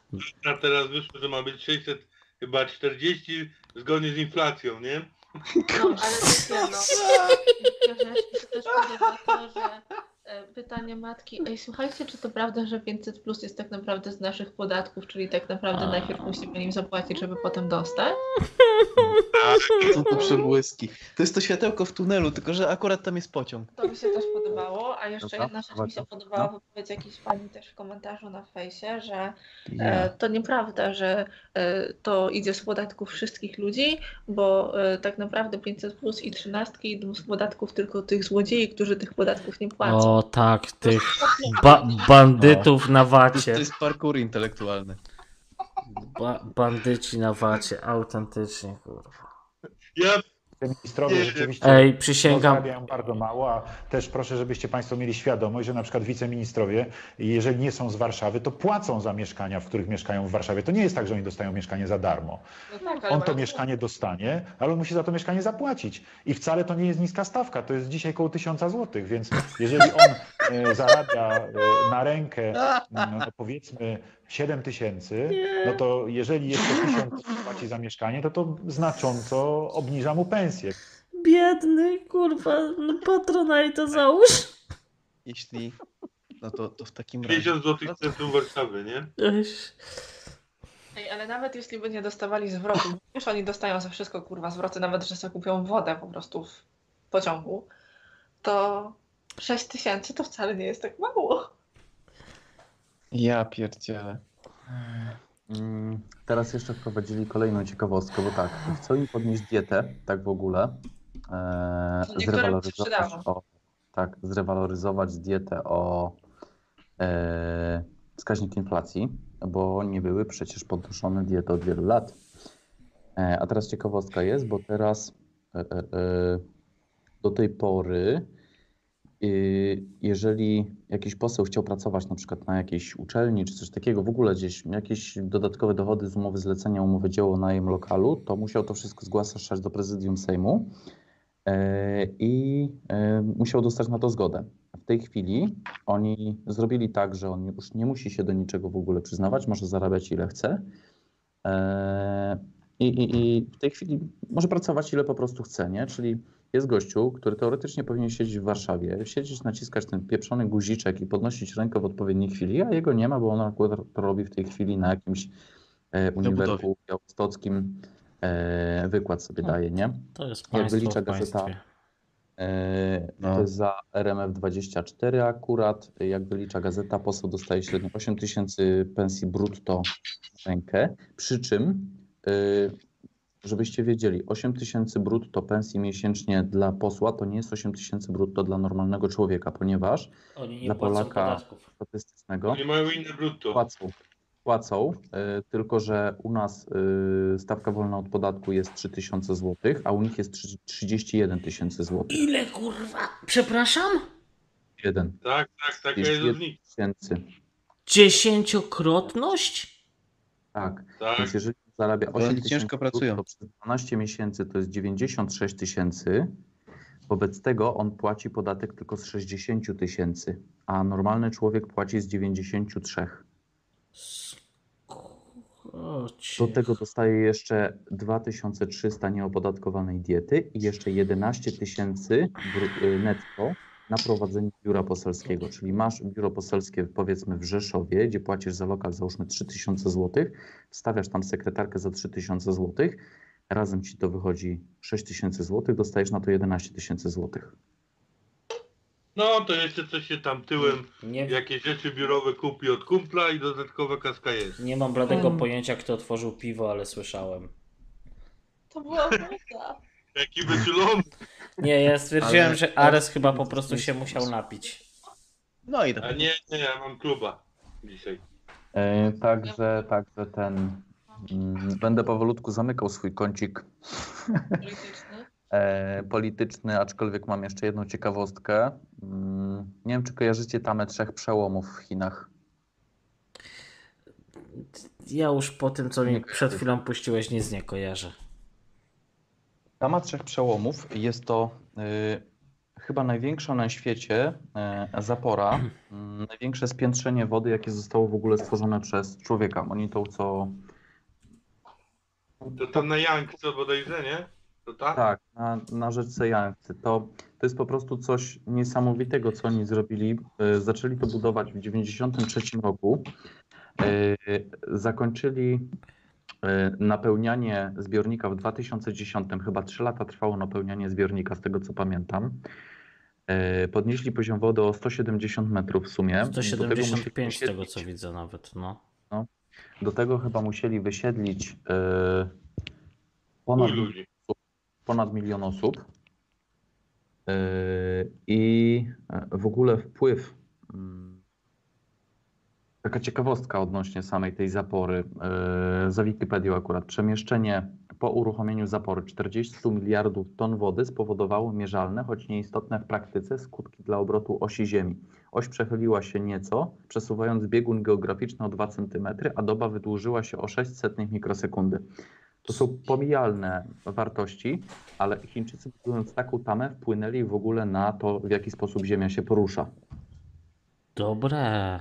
I tak. Taka, taka ciekawostka. A teraz y, kolejna rzecz właśnie, do której dążę. Po y, bardzo dużych opadach śniegu zaczęło to wszystko topnieć. Później jeszcze gdzieś tam w kwietniu, mały, maju były bardzo mocne opady deszczu i teraz się okazuje, że mimo tego, że mają zaporę, to muszą zrzucać wodę w takich ilościach, że ponad pół miliona chyba osób w tej chwili musieli jeszcze ewakuować z terenów zagrożonych e, powodzią. Bardzo dużo miast zostało zalanych. Na chwilę obecną nie wiem ile tam do końca, ale to już w dziesiątkach tysięcy się mierzy liczbę, e, którzy, którzy zginęli wskutek właśnie powodzi, która ma aktualnie e, miejsce. Jest powtórka z, przepraszam tak Grzesiu, ale to nie jest powtórka z e, historii z Wielkim Głodem w Chinach, gdzie oni wróble wybijali? Albo Tak, chyba no, wróble to chyba. Tak, tak, no to Tak, było tak. dobre, kurde, I no. jeżeli mógłbym tylko coś dodać, to Zapora trzech przełomów jest największą hydroelektrownią na świecie pod względem mocy. Moc elektrowni wynosi 22,5 GW, bla bla bla bla bla. Posiada 32 generatory, każdy o mocy 700 MW. Średnie zużycie węgla do wyprodukowania 1 kWh energii w Chinach to czekaj, to 366 gramów. Zatem zapora trzech przełomów przyczynia się do ograniczenia zużycia węgla o 31 milionów ton rocznie. Nieźle. Ogranicze, ogranicza też emisję 100 milionów ton gazów cieplarnianych, miliony, milionów ton pyłów, miliona ton dwutle, dwutlenku siarki, 370 tysięcy ton tlenku azotu i 100 tysięcy ton tlenku węgla oraz znaczącej ilości rtęci do atmosfery. Nie no, to jest jakiś deal w tym dla ekologów. Wiesz co, nie do końca. Mm, Lewicową e, stronę. Nie no, przeczytałem po Jednym- Wikipedii, wiesz? Tak jak tam gdzie Grzesiu. Jednym, jednym z powodów, e, dlaczego powstają susze, jest właśnie budowanie tego typu obiektów. No tak. E, A dlaczego? Ponieważ woda jest spiętrzana w jednym miejscu, ona ma zdecydowanie wtedy większą powierzchnię parowania, dużo więcej tej y, wody ucieka do góry. Druga sprawa, gdy następuje zrzut wody, e, bo czasem trzeba ją zrzucić, powoduje to pogłębienie, pogłębienie e, tej rzeki, która jest tak jakby za zaporą. Im głębiej jest woda, to później jak się ogranicza troszeczkę e, przelewanie tej wody, to powoduje obniżenie całego koryta o kolejne tam centymetry. Mhm. A to znowu powoduje, że wszystkie tereny, które były dookoła, one również te wody gruntowe im się coraz bardziej obniżają, coraz bardziej wysychają. Wobec tego e, tereny dookoła właśnie rzeki za zaporą są coraz bardziej osuszane w ten sposób. I dlatego tego typu zapory są bardzo złym rozwiązaniem ogólnie dla naszego środowiska, bo w jednym miejscu tu się piętrzy. I druga sprawa w tej chwili w Chinach, yy, a propos też tych powodzi, które teraz trwają, jedna właśnie z takich zapór, tylko że zdecydowanie mniejsza, yy, uległa uszkodzeniu. I też się zaczyna to wszystko sypać. Kolejnych kilkadziesiąt tysięcy osób zginęło, nie? A to w Chinach to. Tak. No, W Chinach to z rozmachem, nie? To tak jak y, już kiedyś opowiadałem ten dowcip, jak to siedzą generałowie chińscy podczas y, narady i mówią, że będą atakować małymi grupami po 2-3 miliony. Dobre. Ten kawał zawsze dobry. E, tak. Także ja, ja w sumie już częściowo wyczerpałem e, temat, tematy, które miałem przygotowane na dziś. Mam nadzieję, że mi się podobało. Ba, były, tak, były. A Grzesiu, takie pytanie. Masz tam gdzieś na podorędziu tą sławetną rozmowę z tego tygodnia na koniec opuszczenia? Możesz puścić te 11 minut na koniec kompromitacji. I, i... No bo mówię, że możemy puścić na sam koniec, już skończymy, nie? Bo Ale, ale wiecie co? Z, z drugiej strony. nie wiem, o której mówicie. No, to, Andrzej nie. Andrzej po Andrzej angielsku. Aha, nie, by- bo jak za dużo, to znowu ktoś się przyczepi, że to nie jest na prawach cytatu, tylko wiecie. A, no w sumie masz rację, no no. Yy, także. Można zacytować bardzo łatwo. Tak. Your Excellency, e, e, e, I speaking English, Your Excellency. Yy, under control. Ej, ale powiedzcie mi uczciwie, bo wiecie, dużo rzeczy można dużo rzeczy można zarzucić na przykład tam Kwaśniewskiemu, ale to był jedyny prezydent, który naprawdę mógł nas jakoś reprezentować. Gość w językach jakiś ogarniał, nie? A tutaj mamy, mamy, mamy prezydenta, który, ale poczekaj, ale ojciec. poczekaj, mamy prezydenta, który po jednej kadencji zostaje wybrany ponownie i okazuje się, że jego język angielski to jest. Nie istnieje. To, to, to wiesz, no to jest jakiś. Ja, ja już naprawdę nie wiem, czy on tak bardzo nie umie, czy on po prostu go nie używa i mu zardzewiał tak bardzo. Kolejny cytat. No. A propos tego, co mówisz. Ja Państwu powiem, że ja pracuję cały czas. Prawda. Ja się cały czas czegoś uczę. Bez przerwy. Ja się uczę w mieszkaniu, ja się uczę w samochodzie, kiedy jadę, ja się uczę w samolocie, kiedy lecę. Ja się cały czas czegoś uczę. Jak się nie uczę tego, co mam powiedzieć, to się uczę tego, y, co będę chciał kiedyś powiedzieć. I wydaje mi się, że warto w związku z tym, więc czytam jakąś książkę. Jeżeli nie, to siedzę i uczę się języka, nowe słówka. Cały czas się czegoś uczę. Brawo! Ja Brawo! znalazłem, ja znalazłem w czym tkwi problem. Andrzej się po prostu nie umie nauczyć. No. Może ma złego nauczyciela. O kurwa, Może- ja się cały czas uczę. A to on jest jak Grzesiek, bo Grzesiek się też cały czas uczy. Ale ja się w końcu czegoś nauczę. No tak, tylko Grzesiek z sukcesami, bo Grzesiek się, Grzesiek ma te sukcesy, że on po, po prostu się czegoś nauczy i przyjdzie i nam tu Nie no, mędrkuje. no, to oczywiście, oczywiście, no, śmieszkowanie śmieszkowaniem. No dobra, niech się uczy. No fakty, ale no faktycznie, no, przez 5 lat, Mnie rozwaliło w mojej jak opinii, no powinien się nauczyć troszeczkę tego, Co będzie musiał powiedzieć. Co będzie chciał powiedzieć, co będzie tak. chciał powiedzieć. No to ty nie wiesz, co chcesz? Musisz się tego uczyć? Nie no, on uczył się z notatek od, prezes, od prezesa oczywiście. Się no. uczy, on się uczy tego, co mu każą powiedzieć. Nie. Czekajcie, bo był bardzo fajny mem, jak dzwoni Jezus i halo, tu król Polski, a pod spodem jest zdjęcie Dudusia i tam, a dzień dobry panie Jarosławie. O. Nie, to, to... Nie chcę, nawet mi się już tego nie chcę kom komentować, kompromitacji. Nie, Ciężko, jest ciężko. Wiesz co, bo A ja, tak się przy zasta- okazji. ja się zastanawiam tylko po prostu, jak, jak tak prezydent może, wiesz, no, no bo wypadałoby, żeby prezydent, on ma funkcję reprezentatywną, no jak on się może reprezentować, jak on nic nie potrafi powiedzieć poza polskim? Ale zobaczcie, że w wymaganiach na mm, jakby kandydowanie na prezydenta nie ma nawet wykształcenia wyższego. Nie musisz mieć Hmm. żadnego wykształcenia. Prezydent elektryk i tak był lepszy od kurde Dudy, no. Że, że jak, jakby nie było, to, to, teraz, to, teraz, to teraz większe wymagania są do, do tego, żeby zostać sprzątaczką na dworcu niż prezydentem. No. Przecież idziesz gdzieś do handlu czy gdzieś i jesteś po studiach, to już od razu wymagają od ciebie trzech lat doświadczenia. A prezydentem może zostać naprawdę byle No, menel. mieć 35 lat. I A, w, tyle. sum, w sumie już po Polsce. Może być bezdomna nawet, no. Bo musisz być niekarany i 35 lat. Ale, ale z, dru z drugiej strony przecież kurwa, no to nie powinno tak być. Nie powinno, ale niestety. No, No dobra. Mm. Ciągnąć wnioski. Jak byłem mocny, jak to bezpieka mnie służyła, a nie ja. To oni wykonali, wykonywali wszystko to, co ja chciałem. Chciałem mieszkanie, musieli mi dać. Chciałem pieniądze, musieli mi dać. A chciałem jeszcze większe, bo wtedy nie chcieli ze mną pracować. No czy większego bohatera chcecie? No dobrze, ale za co dawali panu te pieniądze? Skoro pan mówi, chciałem pieniądze, dawali mi pieniądze, No ale nie, za co? rozumiem, to jest, to jest, to jest, to, no nie, nie, to oni tak piszą, to nie ja mówię. Oni tak Pan piszą. mówi, Nie chciałem pieniądze, chciałem pieniądze. Ech, Nie, nie, nie był lepszy. Nie był lepszy. Ale, ale ja.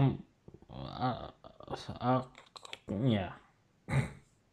Nie, czekajcie, tutaj akurat w tym, w tym, tym urywku. A ja, ja mówiłem o kwachu, nie o Lechu. No ale tam wcześniej e, Ares powiedział. Ja wspominałem o Lechu, no ale dalej uważam, że, że lepszy nawet lepszy nawet skurwy z własnym umysłem jak pacynka prezesa, no. No. No prezes, po, w tym przypadku musimy patrzeć na grzechy prezesa, nie Dudusia. A prezes też ma swoje za skórą. Wybaczcie, że taki skok robię, no ale taka No prawda. Ktoś tu chciał coś dodać, chyba Marek. Znaczy, wiecie co, po prostu e, ja akurat poszedłem trochę pod prąd. I, Nie, cholek poszedł. nie, no po prostu stwierdziłem, że szkoda mi na to gówno za przeproszeniem czasu i nie poszedłem głosować. No to Dlatego, masz, co że- masz.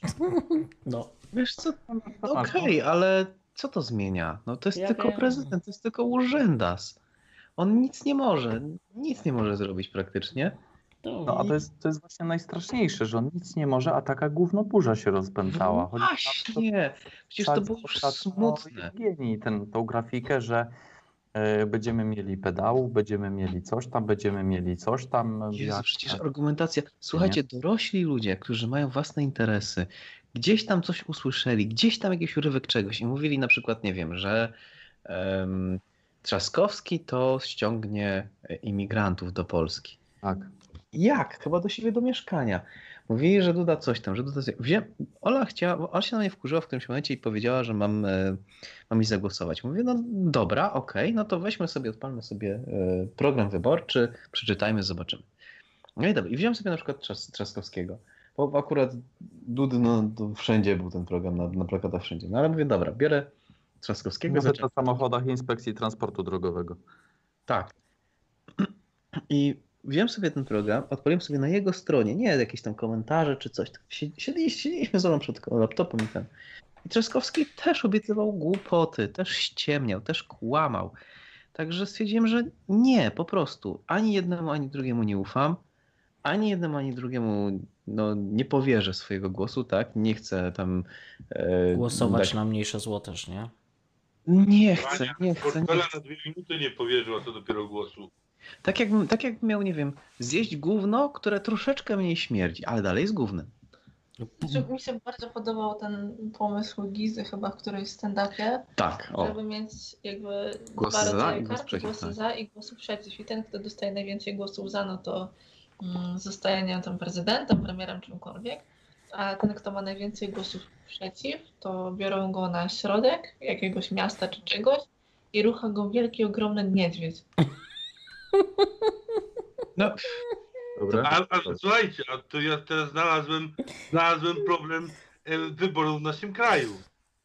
Na tym Wtedy przykładzie. właśnie konsekwencją Bo było powinniśmy że- głosować nie za kimś, tylko przeciw komuś. Wtedy byśmy widzieli, kto jest najbardziej znienawidzony. No I ci zjebane, dwaj tak. przegrali. To już wiem, że przejebany miałby rudy. To mam jakiś skrót. Nie no, Powtórzymy angielski. głosowali przeciw. Okej. Chcecie tego? A puść, jak już mnie dobijasz, to skacz mi po głowie. Prawda. Odmień być. I, I can I can tell you um, um, very very very uh, mm, this is Odmień no.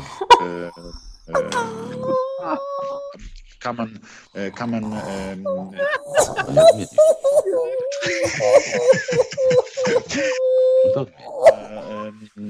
uh, uh, No, I am.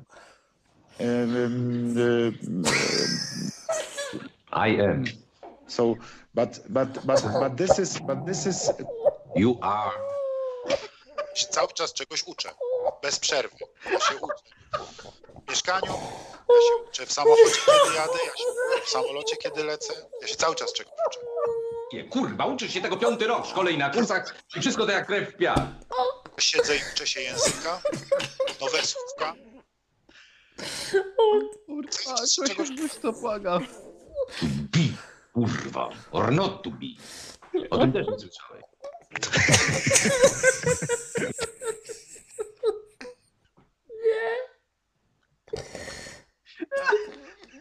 Dobranoc wszystkim. Idealnie, powiem, idealnie. Ej, gdzie... Piękna. O, Cudo. Aj, aj, aj, aj. Jurek sesji. Kurwa, uczysz się tego jak w. Same piąty. No i dla mnie. O, dziękuję wam za to, że byliście. wiemy, że mogliśmy dołączyć. O. No. O, przepraszam, czekajcie, dajcie mi chwilę, dojdę do siebie. Wzruszył się. Ja, ja, ja, się tu prawie udusiłem ze śmiechu. O Jezu, idealnie. Piękny Grzesiu. No. Dla jak krew w piach. No. To dosta, dostaniesz za to jakieś, nie wiem, ja ci prawa admina tutaj tam. E, Mam jeszcze jedno dobre, mam jeszcze jedno dobre.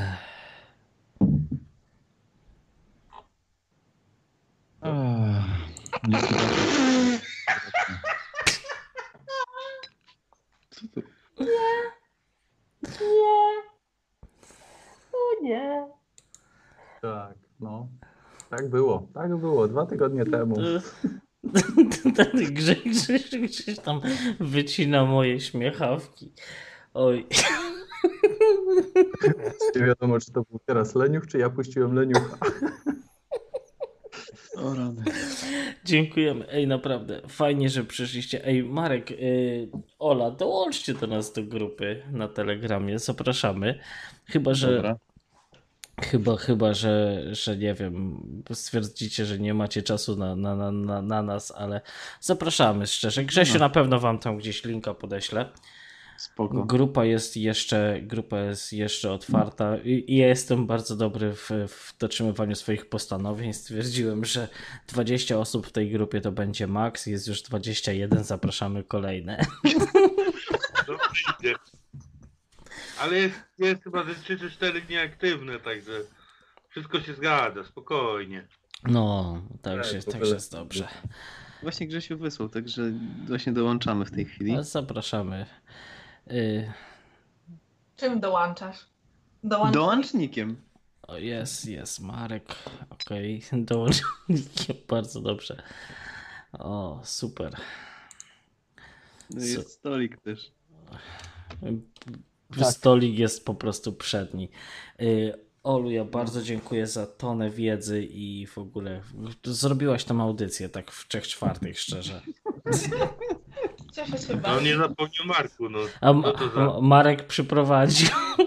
Ale nie. Dlatego nie To ma podwójne zasługi. No. Raz nagadał się tak, a jeszcze Przyszła, przyszła, przypałętała się tutaj za mną, kurde. Bardzo miło się przy was olewało obowiązki.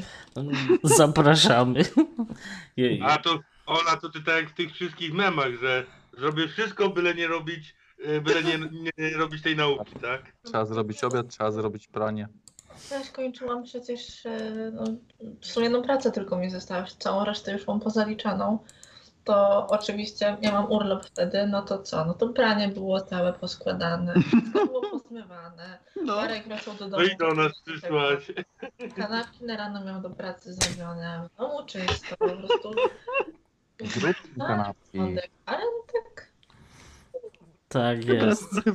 potem nagle tak, wiesz Marek, muszę dzisiaj chwilę dłużej posiedzieć. To co, do której będziesz siedziała? Druga? Nie no, szósta. Oj, Tak. Był taki tydzień, gdzie ja na szóstą się budziłem i wychodziłem do pracy, a Ola się kładła spać.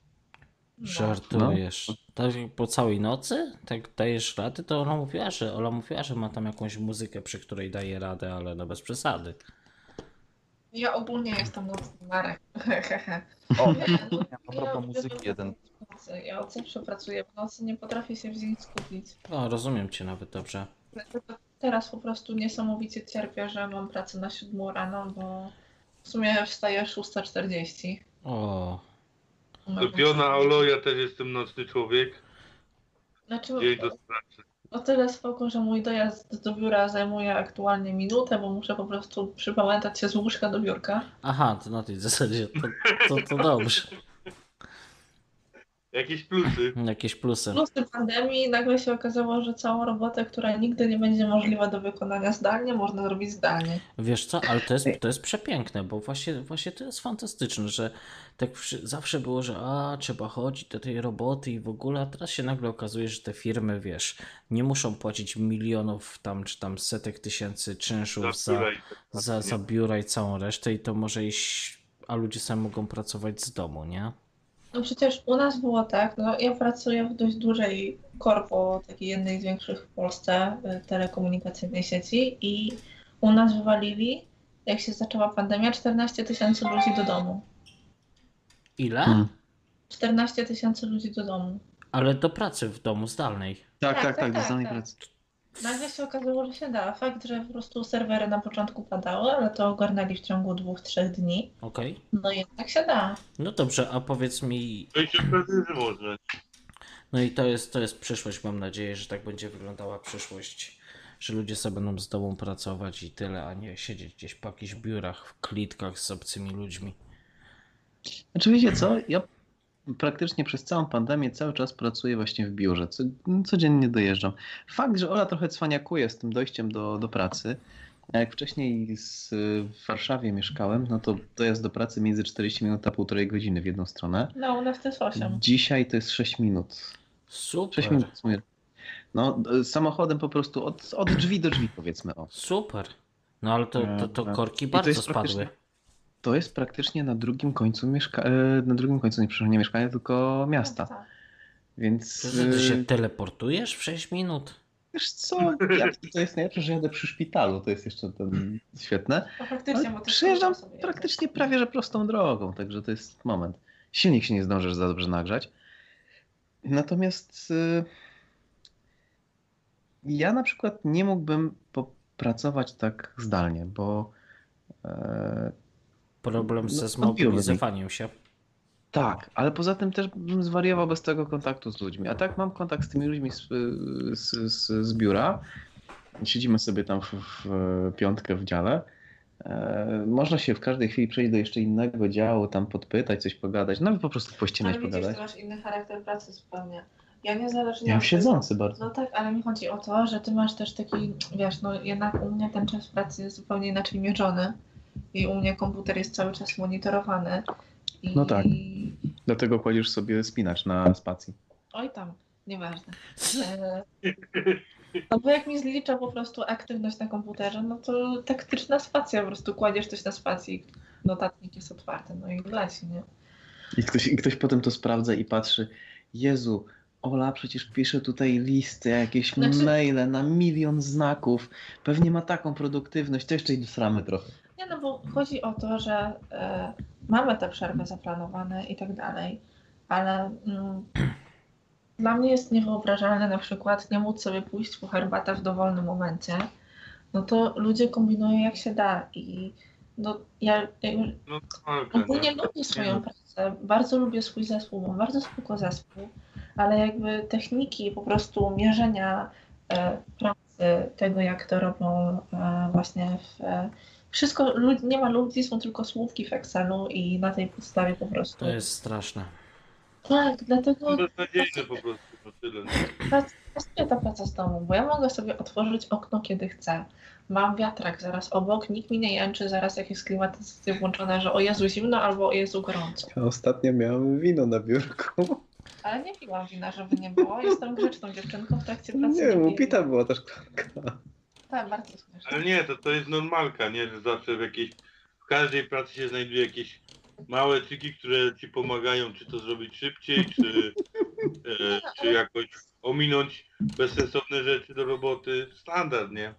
Serio, no, ja lubię pracować z domu, bo i tak kontakt z ludźmi mam, bo codziennie mamy telekonferencje i po prostu obgadujemy cały świat. Ale no, kurczę, tutaj nikt nie patrzy na mnie krzywo, jak idę do łazienki, jak jest dużo pracy, albo idę po coś do picia, albo to jest zupełnie inaczej. A, Masz czas na obiad w ogóle, to jest szok. No. Że ja mogę iść na obiad i nikt na mnie nie, nie spojrzy krzywo, że mnie nie ma przez pół godziny. No. Wiem, że jest taka platforma, moment, przepraszam, platforma, oni się Upwork nazywają chyba, taka też dla freelancerów i tam mają jakiś taki system do monitorowania pracy, że instalujesz od nich apkę i tam jest coś na zasadzie, kiedy rozpoczynasz, kiedy kończysz, monitorują twoją, i jest jakiś system monitorowania tej twojej pracy jako freelancera. Także może stąd też to zabrali. Ogół. No, E, to raczej ciekawost- właśnie w drugą stronę, że najpierw w korpo, a potem Mhm.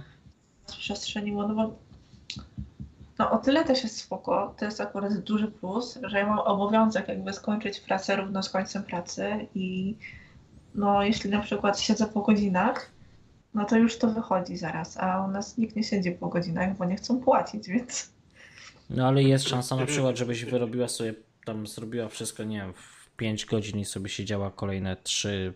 Nie, nie ma szans. Zresztą też no jest dużo zmian teraz, bo pomijając to, że jest sezon urlopowy, więc co chwilę kogoś nie ma, no to wbrew temu, co wszyscy mówią, że o Jezu, jest problem z pracą, nie ma pracy, nie ma nic, to ja mam roboty po prostu po uszy, nie umiem się wyrobić. E, Zawsze mi coś zostaje z poprzedniego dnia do zrobienia na następny dzień, a jeszcze jest jakieś mniej osób, no to to się wszystko kumuluje. No ale ogólnie nie narzekam. Uważam, że taką pierwszą pracę nie jest źle. Tym bardziej, że no, trafiłam całkiem spoko do fajnego zespołu. gdzie zawsze można się dogadać z każdym, więc To już jest dużo. No to jest No. bardzo dużo, żeby robić, pracować z fajnymi ludźmi. Słuchajcie, dobrej nocy Wam życzę. Dzięki bardzo, że byliście i słyszymy się niebawem, nie? W ogóle ja, ja, ja, ja tak pomyślałem w, sobo, w sobotę, że będziemy o 21 czasu polskiego robić tę audycję i to i, i chcę tego przytrzymać, ale czasem mam ochotę sobie pogadać, także mo, może jeszcze w tygodniu, jak będzie czas, to byśmy sobie też pogadali, ale na razie trzymajmy tej soboty. Dokładnie. Jasne, super, bardzo było miło z wami pogadać. Dokładnie, to było Super. super. To na wiedzy jeszcze w ogóle miałem się Was spytać o, o te wszystkie wariacje koronawirusowe w tym biznesie fotograficznym i w ogóle, ale to już na inną. To już następnym Może razem. na grupie sobie pogadamy po prostu. O. No. To dobrej nocy No, życzę. Ola też wie na grupę. O, Ola, no a Ola to co nie? Ola nie ma telegrama. Muszę sobie zainstalować. Jak zainstaluję to tam. No to, to wbijaj, wbijaj tam do nas, bo psychopaci tam siedzą. No ja psychopat, tylko to po czasie wychodzi. Ale wiesz co, Leniuszku, powiem Ci, że Oj tam, zaczynam oj tam. gonić y, nocne radio, bo dzisiejsza audycja trwa zaledwie 5 godzin. No. Znowu Leniuk będzie musiał ją podzielić na dwa, żeby No, weszła na pora. żeby będę musiał, faktycznie będę musiał, faktycznie. To dobrze, 5 go, pięć godzin sobie pogadaliśmy, można iść spać. Spoko. Kurde. Następną robimy 12-godzinną. Maraton. No, mamy takie zrywy, że czasem zrobimy dużo.